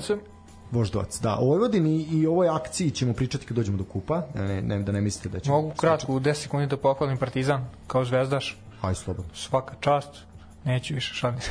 Sram vas bilo. Ne, ne, ne, stvarno, ovaj... Možda vas sram bilo. Možda vas sram bilo. Tako se to radi, brat. Ne, ne igraš, što ti kažeš, ono, ne igraš, brate, moraš biti ovakav. I stvarno igraju momci, stvaraju šanse, igraju najbolji u ligi trenutno. Mislim, sad tipa da se, moje mišljenje, da se odigraju sad dva meča sa Zvezdom, Zvezda da nema Ligu šampiona, oba meča bi bila, znači ne bara bar, nego ko zna šta bi bilo. Znači bilo bi ono, baš ono, pre bi dao čak šansu ovaj Partizanu. A, X ili Partizan. Partizan uh, deluje, ne deluje, nego Partizan ima zaista mnogo više samopouzdanja trenutno nego Crvena zvezda. I Ma igraju ljudi ekstra. A neverovat paradoks je da Zvezdina deca imaju više samopouzdanja i sportskog bezobrazluka nego nego ovi stariji. To Ne možeš kod krasu čito novine. da, da, da, da, Mozart ga treba da da instalira dnevnik na aplikaciju. Strašno. Partizan ima, Partizanom se vidi jedna homogenost. E, prvo čak možda ima i sreće što nema toliko publike jer nema ko da zviždi na 0-0 poluvreme Mada bilo je, bilo je. ali nije masovno više nije masovno Brate, ja mislim Zvezda i Partizan 6-0 svaku utakmicu da dobiju biće, a što nije 7-0? Da, Jednostavno mi smo takav smo narod, brate. Šta? Olavi smo, brate, i to. Jesmo, ne, ne, baš smo, brate, bila, teška priča. koliko god bila loša ona reklama kad je snimana ono za zvezdu ono e, kako ono što, što ne smete stati na 4-0 kako ono Ne znam šta misliš, ali... Onaj kad zove igrače po nadjecima, Drago, Ac, o, čet, nema se stati na 4-0. A ovaj toga stvarno ima kod nas. A da, a da, mislim, O, ne, znam, ne znamo šta je dosta. I opet, ovaj, ne, ono što smo primetili ovde, znači Partizan ima stvara šansi u prvom poluvremenu, ali kao da ima e, još jednu brzinu više ovaj, koju je jel, Verstappen imao ovaj, juče iz, iz vikenda u vikend i onda u drugom samo još kad se i Aranđel pomeri napred i još malo agresije doda samo vidiš drugi tim koji stvara još više šansi i završava posao I neverovatno, čak su navijači Partizana sad previše sam uvereni, ovi koji nisu na stadionu. Čim padne, čim je 1-0, misle da on kao tri boda, to je to. Tolika vera da se neće primiti gol, ja ne pamtim, ono iskreno. Znaš da je trik, treba naći, brate, gde se šatira Saldanja. Možda je to, razumeš? Do tog Ima tu blanša, nešto. do tog blanša. je. Blanš kad E, opali, aj, aj, si, to e, ali u gledam, gledam sad kad, kad je dao gol ove iz penala, znači oni zubi mu šljašte više nego reflektori na jedna. ono je stvarno, znači jeste Firmino. Jeste, jeste, baš je ciganštora, brate. Mislim, u najboljem mogućem smislu. Evo, kako ga, kako ga navučem uvek da ispadem to baš pristojniji. Ovaj. Dobro, ja sam ljaks, ja sam sa sela, ja mogu. A ja, mi moramo se poliramo. Da, znaš. da, da, da, da, vidi ovako. Samo ću reći, četvrta utakmica za redom na kojoj Partizan nije primio gol. 508 minuta Jovanović bez primljenog gola. Uh, deveta utakmica u Superligi na kojoj Saldanja postiže pogodak. Uh, Voždovac je zaista dobro delovao u prvom poluvremenu. Jovanović nije primio go 1020, jeste, ali na Voždovac. E, dobro, e, Božovićev rekord je još daleko, znamo da je Mladen Božić bio rekorder u jednom momentu i Superlige Srbije po, po broju minuta. 916 minuta. Tako je, znači ima to još. E, pa trenutno rekord drži Borjan zapravo. On je, on je skinuo, skinuo Božovića, ne znam za koliko. Čekaj, ali Van der. Sar nešto bolesno drži, u, ja mislim, u Unitedu. Da, ili u Premier Ligi, nešto 2000 hiljadu. 2008 9 Da, ali tipa ono hiljadu plus minuta, mislim da je nešto baš bolesno, ono. Pa Jeste, jeste. 14 utakmica, pa ti računaj. Da, da, da. Pa vidi, top Ne 3, znam. top 3, top 3 kod nas Borjan, Božović, a nije velika razlika, i Ivica Kralj. Dobro, re, očekivano, realno, nema šta. A, dobro, e sad ovako, što se tiče, šta sam još da kažem, da, stvarno je Voždovac dobro delo u prvom poluvremenu e, i da, mnogo komentara što se tiče Voždovaca. E, mno, pokazali su realno svoj maksimum trenutno koji su mogli, sasekla su ih dva brza gola i oni su tu jednostavno posle toga tu je bio kraj. I onaka pressing Partizana, da onako na, na prvu, prvu se ovaj dodaju, da drugi gol Partizana je ono što mi želimo da gledamo. Znači, na prvu loptu, na, sve, na pressing, Pa i prva... prvi je došao is- isto Apsolutno. I Ksandar Severina kojem ja verujem da taj pogodak znači kao da se rodio Pa, ako si gledao u Kragujevcu, ista je bila situacija, isto je šutirao desnom u dalji ugao i pogodio stativu, pa je Saldanja naleteo. I onda je posle te stative imao je želju onako da ga da, razumeš, pa je ovaj, šutirao nebu pod oblake iz prevelike želje i sad je pogodio. Ali vidiš sad i njega ko- koji je bio opravdano kritikovan i za pristup i za donošenje odluka, vidiš da se stavio u službu tima i sad, ako je ovaj Demedina koji je za sada na klupi, ako i on e, pokaže nešto kad dobije šansu, Igor Dulje je pogodio sva pojačanja. Ako Severina nastavi ovako i još on da se priključi tu, nema nema promašaja. Znači sve što je došlo kida. Još Vareča da dođe i... Priznaj da imaš procenata transfera, priznaj da... Šta nisam sad skonto. Pa kad ne uplaćuju Patreon, daj da, Da, da, uzmemo. procent. Kad može Aca Stojanović, možemo i mi. Znaš šta radi? Ima lika, pošto on, jeli, ono, ne može sam da Ima stigne. lika koji ima lika, Ne, da. ne, ima lika koji broji koliko ga ja puta pomenem u podcastu. ja imam u stvari, na, po, znači, na svaki pom, pomenjanje Na procenat na ono, procenat, da. superlativnost njegovu, ja dobijam da, od, ne mogu da kažem koliko, ne mogu da kažem koliko. Da, ima kao ovi što čitavaju struju, 50 para po struju. Da, da. da li je Varjačić bolji od Filipovića? Ne, kao što ima Neymar, brate, ono da okači posto u Saudijskoj Arabiji pola miliona dolara, tako i ja imam malo više. Da, a, ono što, što sam teo reći, to je Voždovac je igrao ponovo u rozoj opremi. E, rekli smo da je, to smo već pričali više puta, zbog oktobra koji je mesec borbe prevencija od raka dojke i sve naše drage dame kojih ima da slušaju utak, ovo, je, ovu utakmicu. Ovaj podcast, ne znam zašto. O, u ali- waterpolo utakmicu. Da, u vaterpolu utakmicu. Ne znam Na zašto, zašto ovaj, to rade sebi, ali neka, kada već slušaju, idite i pregledajte se. Uh, dosta smo srđan Ercek sa porukama, ali dobro, treba, treba to raditi. A dobro, treba da učiš od onoga ko je uspeo. Ne, uh, ono što šta je moja poenta bila? Uh, izašli su u toj roze opremi uh, sa crnim šorcima. Ok, dobro to izgleda, mislim. Uh, I mnogo komentara, pogotovo starijih ljudi, starijih navijača koji tu dolaze zaista ono decenijama, bilo je kako to, kako uh, ti ta boja koja je zaista žarko, žarko ovaj to nešto roze, ovaj te tera da gledaš i da imaš fokus ka tome, jer jednostavno bode oči i imaš potrebu, znaš kao fokusirate, držiti pažnju, ovaj tako da mnogo bolje nego oni na primjer njihovi beli dresovi iako okej, ajde to im je tradicija. Ovaj tako da nije loše da se možda malo razmišlja o tome da te neke druge gostujuće garniture budu tako neke malo egzotičnije, jer zaista ti drži ti fokus da gledaš u njih, a ne da svajpuješ na telefonu, ko što na primjer sad Vuk radi. Ovaj, a gleda derbi. A dobro, ne, da vidi Evo, update derbija Partizan Crvena zvezda 38-34 do kraja Znači, drugog kvartala, nešto malo više od 2 minuta. Hvala, hvala kolega, kolega direktno uključenje iz Možete preuzeti, naravno. Arene, da. Čujemo se. Čujemo se, čujemo se, možeš klimati glavu, ali dve sekunde ranije nego što da. šalje, šalje poruku Lučan Igra da vidi Teo, kako je Varjačić. igra Teo, krstim se. Nemoj ga još. Znači, 32. treći minut treba Teo da uđe, realno. Dobro, uh, šta još treba? Uh, da, izjava Marka Savića, ajde to, to me zanima vas dvojice da prokomentarišete. Marko Sać, ovaj basketaš? Uh, da, uh, on je rekao odgovorio je na pitanje o preuzimanju odgovornosti mladih igrača, ali je rekao, kaže, znate šta, ja imam sina od šest i po godina i on je jako odgovoran, a imam i čerku koja je malo mlađa, ona je neodgovorna. To nije do godina, to je do karaktera i svesti. Izjava? simpatična izjava, donekle tačna. Pa i jest. Znači, ono, mislim, do, možda donekle se može. Ja volim da jako, ne znam šta mi je, kad dođem ovde za mikrofon, volim stalno tražim neke paralele. Pa dobro, Izvlačim okej. paralele. Ovaj, ona Mourinhova izjava, čuli ste sigurno, ono kad je pričao za Lamparda. Kaže on, ja kad sam došao, Lampard je s 23 godine bio muškarac, ovi sad s 23 godine nisu muškarci. Znači, to nije, nije do godina, to je do njega. Karaktera, da. Imaš ti futbolere koji su, ne znam, i slavni i dobri iz 30 godina, pa su na neki način razmaženi klinci. A imaš i ove koji, ono, vidiš fazon, ono, od 20 godina vidiš da će biti dečko lider, da će biti vođa. Tako da, simpatična izjava i, ko što sam rekao, znači, delimično tačna i ima rezona na toj izjavi. Dobro. Možda i malo probudi ovaj igrače. Pa, ne verujem da će ih probuditi, mislim da... Igraju Da, dobro, igraju generalno. dobro. ozbiljno. Sutra u Mozartu, sin Marka Savića, novi pomoćni trener. Psiholog, psiholog. Ne, ne, ne, sin Marka Savića ovaj kaže, uh, tata nam zadaje preliki pritisak, mi smo odgovorni sa u našim okvirima, na skladu sa našim mogućnostima. Nisam baš toliko dobar. Da, da, da. Ne, u zabavi što ga kao zajebavaju. da. Ne, ali dobro, ne, Savić, stvarno, ono što mi se sviđa da e, i onda je, kako, niti se recimo zanosio pro, pro, posle pobede nad Crvenom zvezdom, e, stalno polazi od sebe, stalno traži više od sebe i od igrača. Svaka mu čast. Nema ovaj, uvek može bolje, uvek ovo, ali sve priča smisleno, onako kako, onako kako jeste. Teo baca pasove bez gledanja. E. Majko moja mila. Što kaže Žika. Sa igračima ili u publiku. Pa, znaš kako gleda u ribe s tribina, baca hidritisu koji ne hvata i svi ono spuštaju glavu isto vreme, ovaj, brate, opet to radi, da gubimo. Mislim, radi to kad vodiš, brate, nekad, mislim da je sad ću da odmah da vas updateujem koliko je.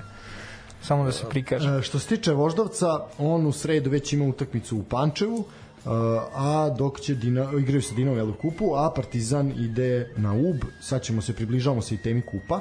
Za kraj samo imamo TSC Novi Pazar, to je bila je bila poslednja utakmica ovog kola. Dosta izva, dosta dobrih utakmica ovog ovog kola i stvarno je TSC Novi Pazar bila jedna od tih. I konačno pazar u gostima. Tako je. Konačno Pazar uzima bodove u gostima s tim da nije bilo da nije bilo Mirkovića na golu koji je odbranio penal u kom 88. minutu. Tako nešto, da. Da, da nije bilo toga, to se bi konačno dobio. Ali eto, malo je falilo i sreće TSC da končno ostvare pobedu, ovaj, ali eto sreće za Novi Pazar. Uh, Pazar dobar, Pazar poveo golom Lazića, uh, Uroš Milovanović, drago mi je zbog njega da je postigao pogodak, to je neko ko treba, njegov doprinos je potreban TSC-u. preko potreban, ali vidi se da nije igrao kad je otišao iz Udulici. Sad trebalo mu je više vremena da uđe u ritam. A ja vidim više potencijala dugoročno u njemu nego u Rakonjcu. Ja ne znam zašto je Vulić izvodio penal, to mi malo je... A nosi desetku Vulić? Ne, mislim Ne? sedmica. Sedmica. Pobrkao sam nešto, pardon. O, nije desetka, sedmica. Ovaj, po Mirčevski je desetka, mislim. ovaj, da. A, tako da, moramo poznanje brojeva, da, to, to bi bilo uf, veselo. Simbolika, da. Simbolika, da. Vulić nosi 7, brat. To je ko da Beckham nosi 42. Mislim, de, de, ako si čita, šta je Vulić, brat? Ako si čitao autostoperski vodič kroz galaksiju, onda znaš da je u broju 42 tajne univerzuma. Pa to znam ja, Vulić, Vulić ti je, brate, sad, je, to je omaž nedavno zatvorenom sajmu. evo, Zvezda 42. loptu izgubila, 42-34 za Partizan. Koji minut sad sekao? Za Pred E, kraj prvog minut, minut do kraja prvog vremena. A, dobro, što se tiče ovoga, a, TSC, pitali su Lazetića da li je kriza, pošto je eto mesec i po dana bez pobede, Lazetić je onako odgovorio pomalo i drčno kao, ja ne znam kao ko stvara tenziju, mi tenziju i pritisak ne osjećamo. Uh, i rekao je da neće odustajati od svoje ideje, da će nastaviti da, parafraziram se, jel, da neće odustati od svoje ideje, da će nastaviti tako kako su igrali do sada i jednostavno u nekom momentu će izaći iz tog crnog perioda. Samo je pitanje kad i kakva će šteta biti načinjena za sada, ali dobro. Pa ne, oni imaju krizu rezultata i blagu krizu igre, ali nemaju krizu sistema i ne, neke suštine. Pa dobar je onaj naslov, brate, znači nisu pobedili to koliko meseci po dana i dalje su treći. Mislim, to ti dovoljno govori, znači da su finu zalihu i mogu sebi da dopuste ovo. Pa da, ali mora, moraju se... A to- naravno, pa ne kažem. A ne, fali im tačno, nisu oni navikli, nego fali im svežine onog gasa, ono njihovo prvo polovreme gde uzmu bodove u našoj ligi i posle potvrde. Ove, tako da. tiče E, ja moram da pohvalim Dobrašinovića. E, to sam čekao, e, znaš zašto? Video je recimo e, očigledno da nije planirao Bradović za ovu utakmicu. S jedne strane, s druge strane je video grešku sa Šćepovićem iz prethodne utakmice i odluči čovjek da počne s lažnom devetkom i uzme važan bod u gostima, a mogo i, pazi, Pazar imao šanse 0-1 mogo i da pobedi, znači pohvali iz tog ugla, pohvale za ponašanje džentlmensko i stvarno moram da pohvalim ovaj trkački trio Adešina, Milojević i Bože, Korejac, kako je A ne, mislim, ne. A onaj, onaj, ja, onaj, Da vrh Juvo, nešto, Juvo. da, ne, Da, var, ja, Čić. da, ba,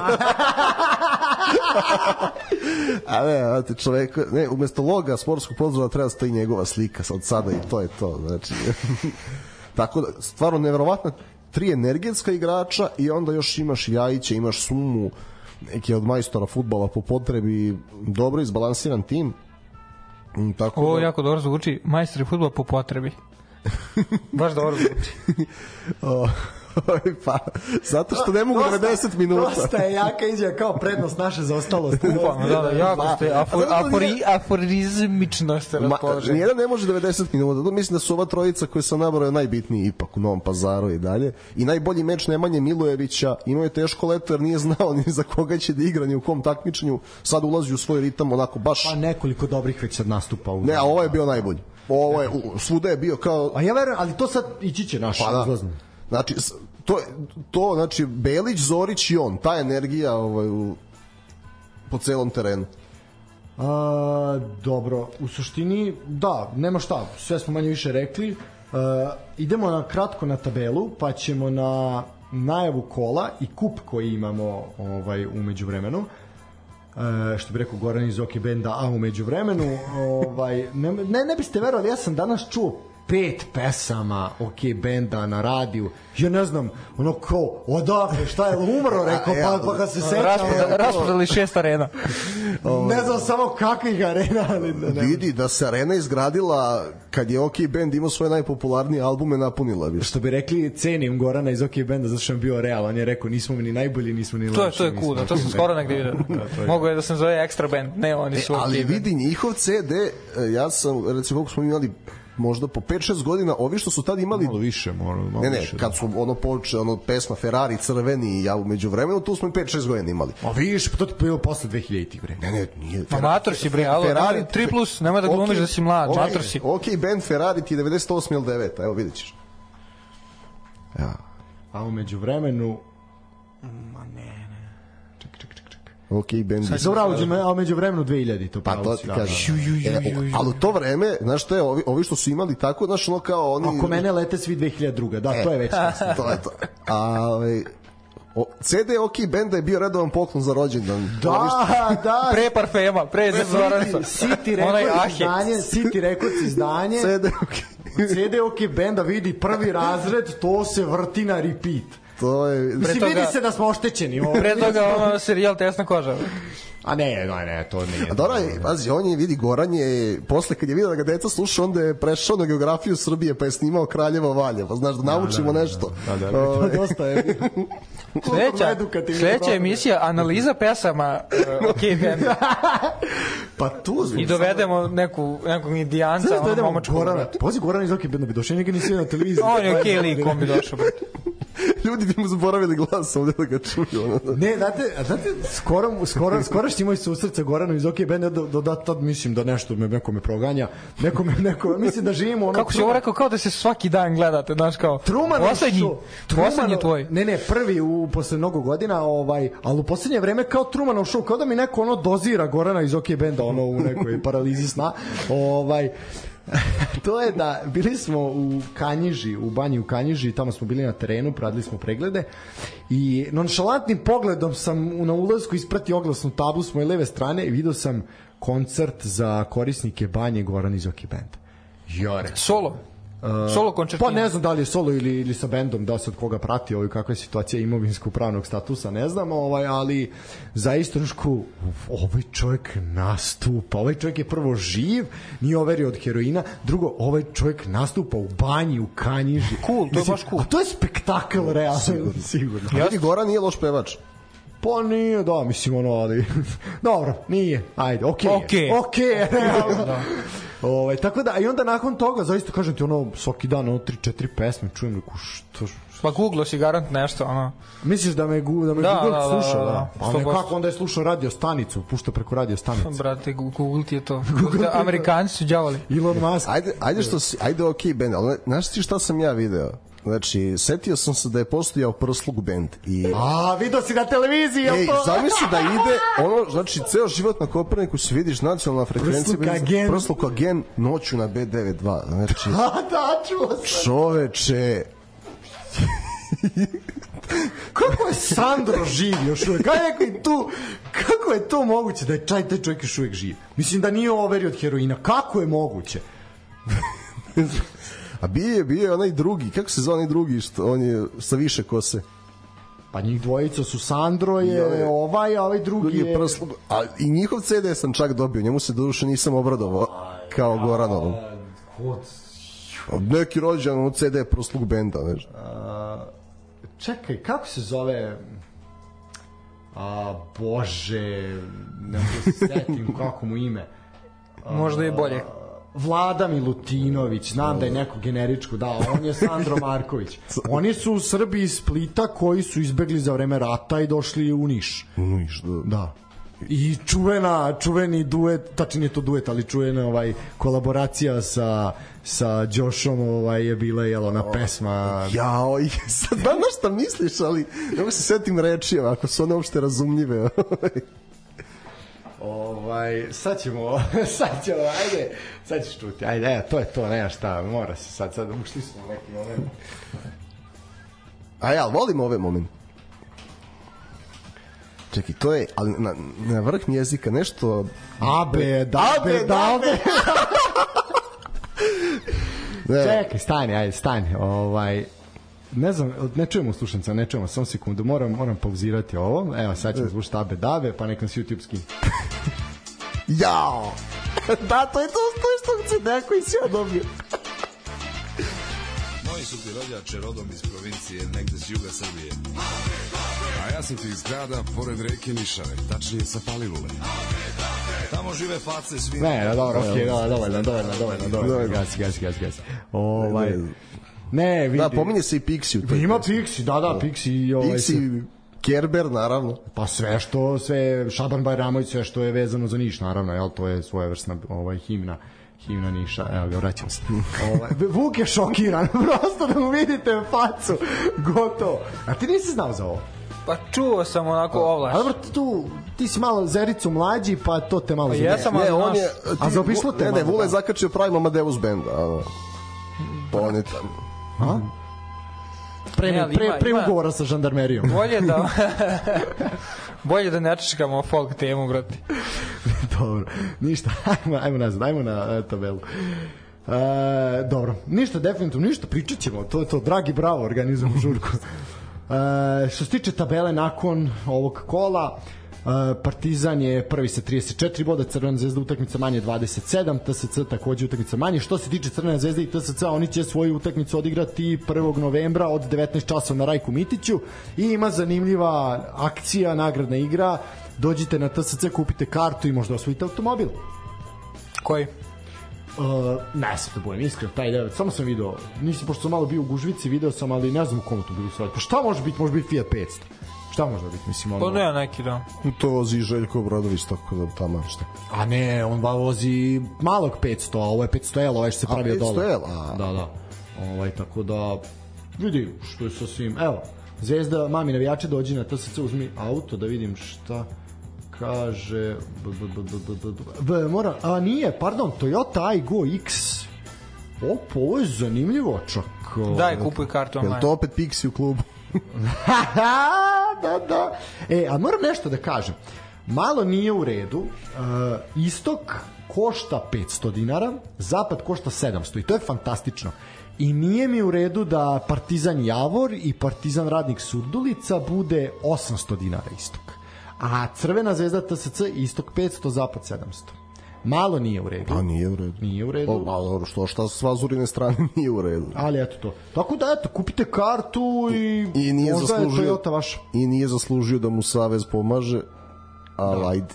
dobili su 2 miliona koje su tražili ovaj biće platit će sve što treba te licence i što i što treba dalje. Dobro, ne ajmo na tabelu dalje. E, Vojvodina četvrta 18, da, teška je tema i nećemo uvesti sad u to. Ne, ja, posle ovoga ne. Ne, ne, ovaj, abe, da. Posle abe, da. E, ali Miloš Vazura izgleda kao neko ko je volao tu pesmu. Da, da, apsolutno, apsolutno. Ovaj, e, Vojvodina četvrta 18 bodova, Čukarički peti sa 17, sad pazite razliku u bodima. Čukarički peti sa 17, Pazar šesti sa 17, Voždovac sedmi sa 17, Subotica osma, Spartak Jel 16 bodova. Deveta Mladost Lučani 15 bodova, Javor 10 i 14 bodova. Znači u 4 boda od četvrtog do 10. mesta. to želim. To želimo. 11. mesto Radnički Niš, 12 bodova, Radnički iz Kragujevca na 12. mestu, zahvaljujući sjajnim partijama, četiri, četiri pobede ljudi imaju, uh, 12 bodova, uh, IMT 13. sa 11, Napredak 14. sa 11, Železničar se malo izdigao, eto, dve vezane pobede i prepustili su Fenja Radniku, imaju 10 bodova, dok Surdulica je poslednja sa Realno, baš 9 onako zaslužena tabela. Zaslužen poredak. Apsolutno. Baš zaslužen I poredak. imamo, tačno se izdvajaju ta tri, tri doma, da kažemo, gornji dom koji se bori za Evropu i titulu, zatim ovaj, što kažemo, jedno to mesto koje će uskočiti u Evropu i play-off, i onda ovo dalje je E, surovo. borba. jedino što mi nije zasluženo po prikazanoj igri jeste IMT 13. Mislim da su oni onako... Mo- Moralo je više, da, ali iskustvo Ne, šteta je, ali... Šteta, da. mo- Takav je i voždovac bio kad su se vratili, pa ti mladi. Naučit će. Da, tako je, iskustvo, iskustvo vreme godine. Uh, što se tiče narednog kola, rekao sam Crvena zvezda Topola u sredu 19 časova na Rajku Mitiću. Uh, boga mi mislim realno favoriti Crvena zvezda i mislim na to sve osim pobede zvezde bi bilo onako baš ne baš ravno senzacije, ali mislim da ne. Nije nije momenat da ja ne očekujem sad. Da je neki drugi raspored svežina, sad jako što se tiče 14. kola, ono će se odigrati za vikend, kažem kupit ćemo naknadno, nakon ovoga, prvo završimo obradovaće ću ti termini već. A, fantastično, ne znam šta bi rekao, ovaj, ali ajde. Počinje kolo u subotu, ajde, makar nemamo ovaj, makar nemamo ne, petka zbog kupa. Znači, ako subota, 4. 11. samo jedna utakmica i to je Crvena zvezda radnik od 18 časova. Šta vi momci kažete? Šta kažem? Keci 3 do 5. Ajde te čujem, Golđija. On je rekao Keci 3 do 5, ja ću reći mm, Keci 4 plus i ja verujem da trener radnika dobije otkaz nakon toga. 5 plus. 5 plus, dobro. Uh, od, to je što se tiče ove, kako se zove, subote. Nedelja 15 časova, ne znam zašto 15 časova, pogotovo u Novom Sadu na Karadžođu se mogli igrati kasnije. Nedelja 15 časova, jako nezgodan termin za Novi To, Sad. brate, jedeš supu, knejedle i udri. Pa da, ono moglo si od 18, ali ajde. Uh, Vojvodina, Železničar, Pančevo. To je nešto gde treba otići i pogledati, ali ja verujem da će biti Keci domaćin 2+. Uh, hu, hu, Kjec go go. Keci 3 plus. Bitno da se meni nešto prebacuje. Dobro. Uh, od 15.13 15.30 uh, isto nedelja Čukarički TSC. Evo mi nije jasno da ovako u kratkom roku da nije moglo da se rasporedi drugačije. Ne, ne, jako bez. Mislim, zato što je, jednu bih da pogledam uživo, a opet ovu bih da gledam ovako. Da, šteta. Ne, vidi, Ču- Čuka TSC je možda i derbi kola. Jeste, jeste. Dobro. Pa, realno. Bez, bez Po razmišljanja. imenu. A no, ne, u stvari Pazar Partizan je možda Da, mm, rec, ne, Tuš, ja bih pre tuš. rekao Čuka i TSC, da. ali TSC dvojka. e, tu će da prekinu seriju. Dvoj, I ja kažem dvojka. Ja ću reći uh, Gost 2+. Plus. Ajde, da ne prepisujemo, verujem, ali ajde, ne bude baš sa trojici isto. Uh, od 19.30 u Subotici Spartak Radnički Kragujevac. Duel Feđe Dudića i Kržakova. Ja ću reći X2 2+. Plus. Pobeda Feđe. Dvojka i 2 do 4. Dobija Feki. Uh, ponedeljak da ponedeljak 6. 11. od 15 časova Novi Pazar Partizan Čemu taj termin? Ko se bez publike. bre? Pa sve jedno, ja razumem, ajde zbog kupa razumem da nema utakmica u petak, ali bolje mi je taj petak ne- veče. ne, uvek je bolje petak uvek je bolje petak veče nego ovo mislim Može ono ko daje go. može Suma daje go. Ne, ne, siguran sam. Nije dojava, ali siguran sam. suma uh, Ljajić daj gol Tri go. Tri plus go daje. daje. A Biće ovde 3 plus sigurno Dvojka i 2 do 4 i Aca ide na šestog minuta bez primjena gola. A, dobro od 17 časova napredak IMT Dvica. ja ću reći 3 plus E, gol, gol. Što si rekao, tri plus? Da. Ovaj, a vidjet ćeš, dečko, malo uči od starih. Ovaj, Voždovac, Radnički Niš, 18.30 na krovu tržnog centra. 3 plus kao vrat. Kec. Tri plus kao krov. 3 plus kao do krova će biti. Šta, Nikola kaže, kec, Kec. Ha, ja. Go go. Piće golova. A znamo ko je zove za golove, ali ne veze. 19 časova, mladost Nije nego, Javor. a nije nego se igra bolji futbol A ovde ne, nego ranije, naravno. više golova. Mladost Javor. Ovo je, brate, jako ono cool. Ovo je neki derbi dela, Dela šta, majke? dela p, ovo, kako zove, periferija, nešto, ne znam. šta mi Ne, ne, ne, ne. derbi, dela šta? E, Šta? Ne znam šta mi rekao. tja. Ali, da, ali, ovo jeste, derbi ali čekaj, ovo jeste derbi zapadne Srbije. Derbi de, dela komplet Čekaj. lepinja, ali Jel, ko je domaćin Javor? mladost. A, Lučani, Lučani. A Lučanin, dvojka. Dobro, kaže dvojka. Pa ja ovde ću reći... Mogu ja umesto tebe da kažem, brate? Šta? Ne, Jesi 3 plus, 3 smorio. plus ovde je kvota četvrka. Pa ajde šmeker, stavi ovde. Ovako ti vikend na svaku 3 plus. E, 3 plus, sad kad dođe, ako dođe, bi ovako. Dođe, ne, ne. Ako dođe 3 plus. Jaše, jašeš me do... Ne, ne, ne, nećete, ja kad ti doneseš čokoladu u ponedeljak. Može. Bude 3 3 plus. plus čokolade. Da. U stvari to se igra u ponedeljak od 19. Tako da ćeš doneti naredni ponedeljak. Gledaj, 4 plus. I dve čokolade donosi ako bude. Ako padne ovo, dečko, po čokoladu Ne, ne, doćeš. kupujem. Celu crvenku jafu. Alurin fuzio. e, dobro, ajmo na kup. E, kup se igra u sredu. Uh, s tim da eto, ovi su odigrali dve utakmice ranije, rekli smo Smederevo nakon penala sa Lado TSC, Zvezda ubedljivo ovaj, Trajal. dobila trajal 6-0. Uh, termini su veseli što se tiče kupa, ali ajde, to smo negde na kup navikli. Uh, ne bih ja, mislim, kratko ćemo pročitati, pa bih samo brzo od vas ko prolazi dalje. Eto, recimo tako ćemo, ovaj, tako bih to koncipirao. Znači, sve utakmice se igraju 1.11. E, od 13 časova Bask na Carevoj Ćupri dočekuje radnički iz Kragujevca. Aj brzo samo, ko prolazi dalje? Kragujevac. Slažem se. E, Dinamo Pančevo Voždovac isto 13 časova. Uf, ke, Gogo. Ko ide da, dalje? Da, da, da, 3 plus. Šalim se. O, Trijumf, trijumf, od posle. Vica, Vica, šta? Da, sve, evo, mislim isto Voždovac, da. Voždovac, da. E, e sad, Indija Kolubara. Kec. O, Indija. Indija, dobro. E, grafičar Spartak. Kec. Dobro. Spartak. Dobro. Ja vidim ovde da grafičar može nakon penala da prođe. Ne možda ali nakon Može, nešto mislim da neće. Uh, jedinstvo UB Partizan. Da li se Partizanu može sad ponoviti Mitrovica? Mislim da nije moment. Vule? Ne, ne, ne. Na šansa, dobro. Uh, Ima radnički, šanse, ali neće. Radnički Beograd, Čukarički. E, Radnički Beograd, Ovka. ne, ne, ne, ne Radnički, baš Radnički Beograd, to je s Aha, aha. Ovaj, Čukarički, tu Aca Bulić je stari majstor za kupove, još i železnik. vidi, slušaj, čujte nas, što bi rekao Žika Šerenica, Vučiću, čuj me, ovaj, mislim da ovde Čukarički može da se oklizne. Nije nerealno da, da ispadne iz kupa ovde. Ne, ali biće frke, znaš, Biće frke, da, biće da. frke, da. Uh, dobro, Sremska Mitrovica, Radnički Sremska Mitrovica, Radnik.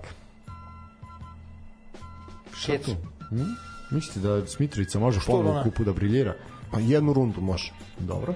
Uh, Sloboda Užice, napredak. Ovo može biti Užica lagano. Dvojka. Dvojka ipak, a? Ne, mislim da će napredak. Da. Dobro. Ni da ne, da neće, bit će tesno ali na kraju, ono, znaš, kad jači slom. Vršac mladost. U, ovo može isto. Ja ovde vidim potencijalni. Vršac, Koja, koja Vršac mladost? Lučani? Lučani, Lučani, Lučani. da.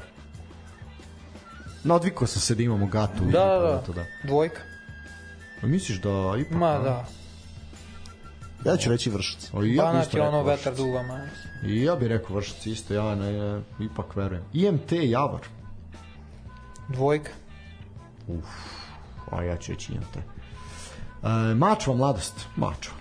Mačva ubedljivo. Ne, tu gat nema šta da traži. Ne, sad očekujem mač. Ja kažem gat. Ozbiljno, bez šale, nešto mi miriše. Miriše mi srđan vujak. Koji neće igrati, verovatno. Verovatno da. Železničar Pančevo, Novi Pazar. Hvala će Pazar izbasti iz kupa, vidi kao ništa. Ne, pa, ovo je, ovo su mi ovo su mi neki penali u najavi, ali ne mogu da znati ko će... će pući lopta kao i jedan Novi pazar prolazi. Ja mislim da ovo ide na penale lagano, ali ajde. Uh, dobro. To je već od 17 časa utakmice. Metalac radnički Niš. Niš. Niš ipak, dobro. Isto. I ono što je posljednja utakmica i zasluženo je termin od 19 časova, hvala gospodu Bogu, a sad ćemo da pričamo o tome, konačno smo došli do... Jedina šteta što Zvezda tu odloženo igra u isto vreme. Volao bih da, da ima baš poseban termin. Mislim da je to recimo kogod se arena bavila domaćim sportom greška, da recimo Zvezda TSC je mogli od 9 da se igra. A da se ovo stavi od 7 da ima svoj termin da bude fokus na ovome. Recimo se spoji ceo dan, 1, 3, 5, 7, 9. Pa to tako neke ozbiljne lige i rade, ali dobro je. To bi bilo, tako treba da se bavimo kupom. Tamo gde nema reflektora stavi u jedan i onda du, du, du, du. Ovako, zašto sam rekao posebno što se tiče RFK i Vojvodine? A, RFK je nominalno domaćin, ali u dogovoru dva kluba, što mi se zaista jako, jako sviđa, a, će se igrati na Karadžođu, ali zašto? A, zato što a, je dogovoreno, samo da otvorim ponovo, a, izašao sam sa stranice RFK gde ima važno obaveštenje, evo ga, za informaciju što se tiče kup- kupovine karata.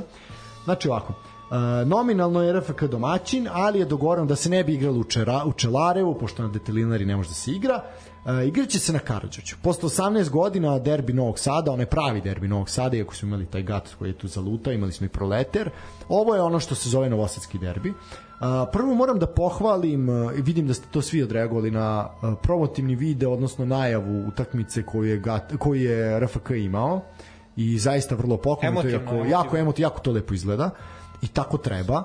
Uh, pokazuje RFK samo u tome da je organizacijno mnogo iznad Gata i Proletera, koliko god su ovi duže se bili možda, Proleter pogotovo bio duže u Superligi, Gat sajde zadrže jednu sezonu. Uh, šta je bitno i zašto su se oni to dogovorili? Zato što je dogovoreno da sav prihod od ulaznica ide za lečenje a, jedne devojčice. Ovaj u pitanju je Zara Urukalo.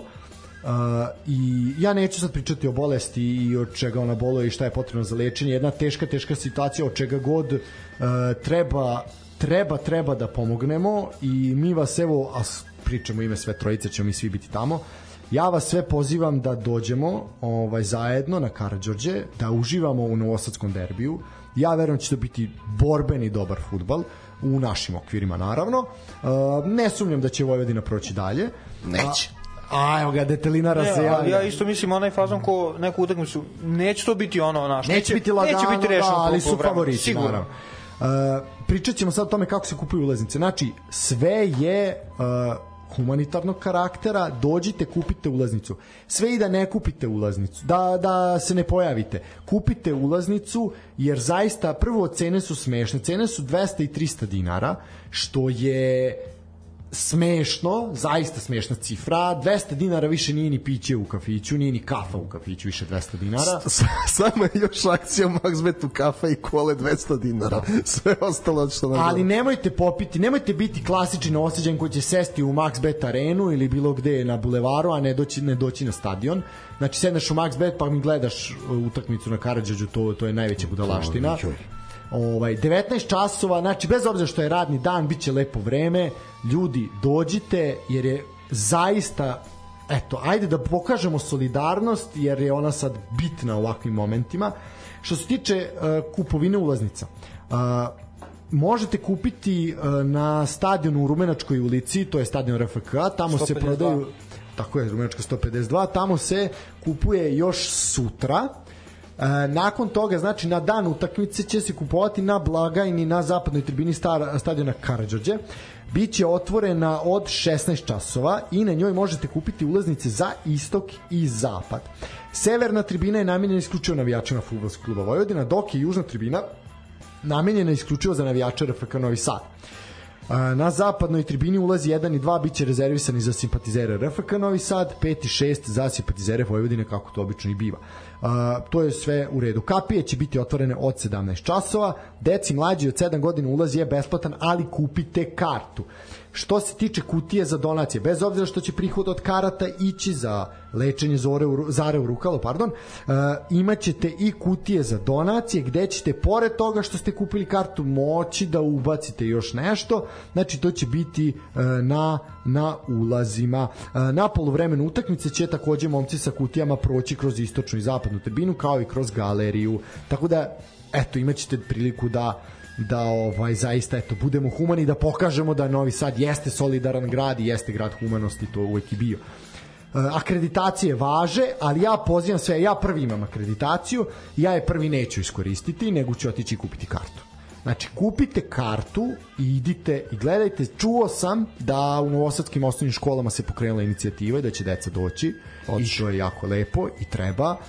Uh, u ovim trenucima i u sve ovo što se dešava i u svetu i svuda i kod nas i zaista jedna onako kriza u društvu, ne samo finansijska nego i morala i svega, Uh, nemojte da bude kriza solidarnosti, hajde da budemo ujedinjeni, hajde da zaista damo makar mali, da pošaljemo jednu sliku ostatku ove nesrećne i napaćene države da mi to ovde radimo bolje, a ube, uvek smo mi ubeđeni da smo bolji od drugih, hajde da pokažemo da jesmo. Ajde, ja pozivam sve moje detelinarce, eto, južna tribina, ulazi zapad 1 i 2, idemo po pobedu i prolaz. i da se Dođite, kupite za- kartu. da se za oporavi dođite kupite kartu šta kažem, ja, ja ću da iskoristim neka srećnija vremena uh, prave košarkaške lige kada je recimo kad je Novi Sad u istoj bio i Vojvodina Uh, Novi Sad je bio domaćin u maloj sali Spensa Vojvodinu u velikoj. To su bile preozbiljne utakmice.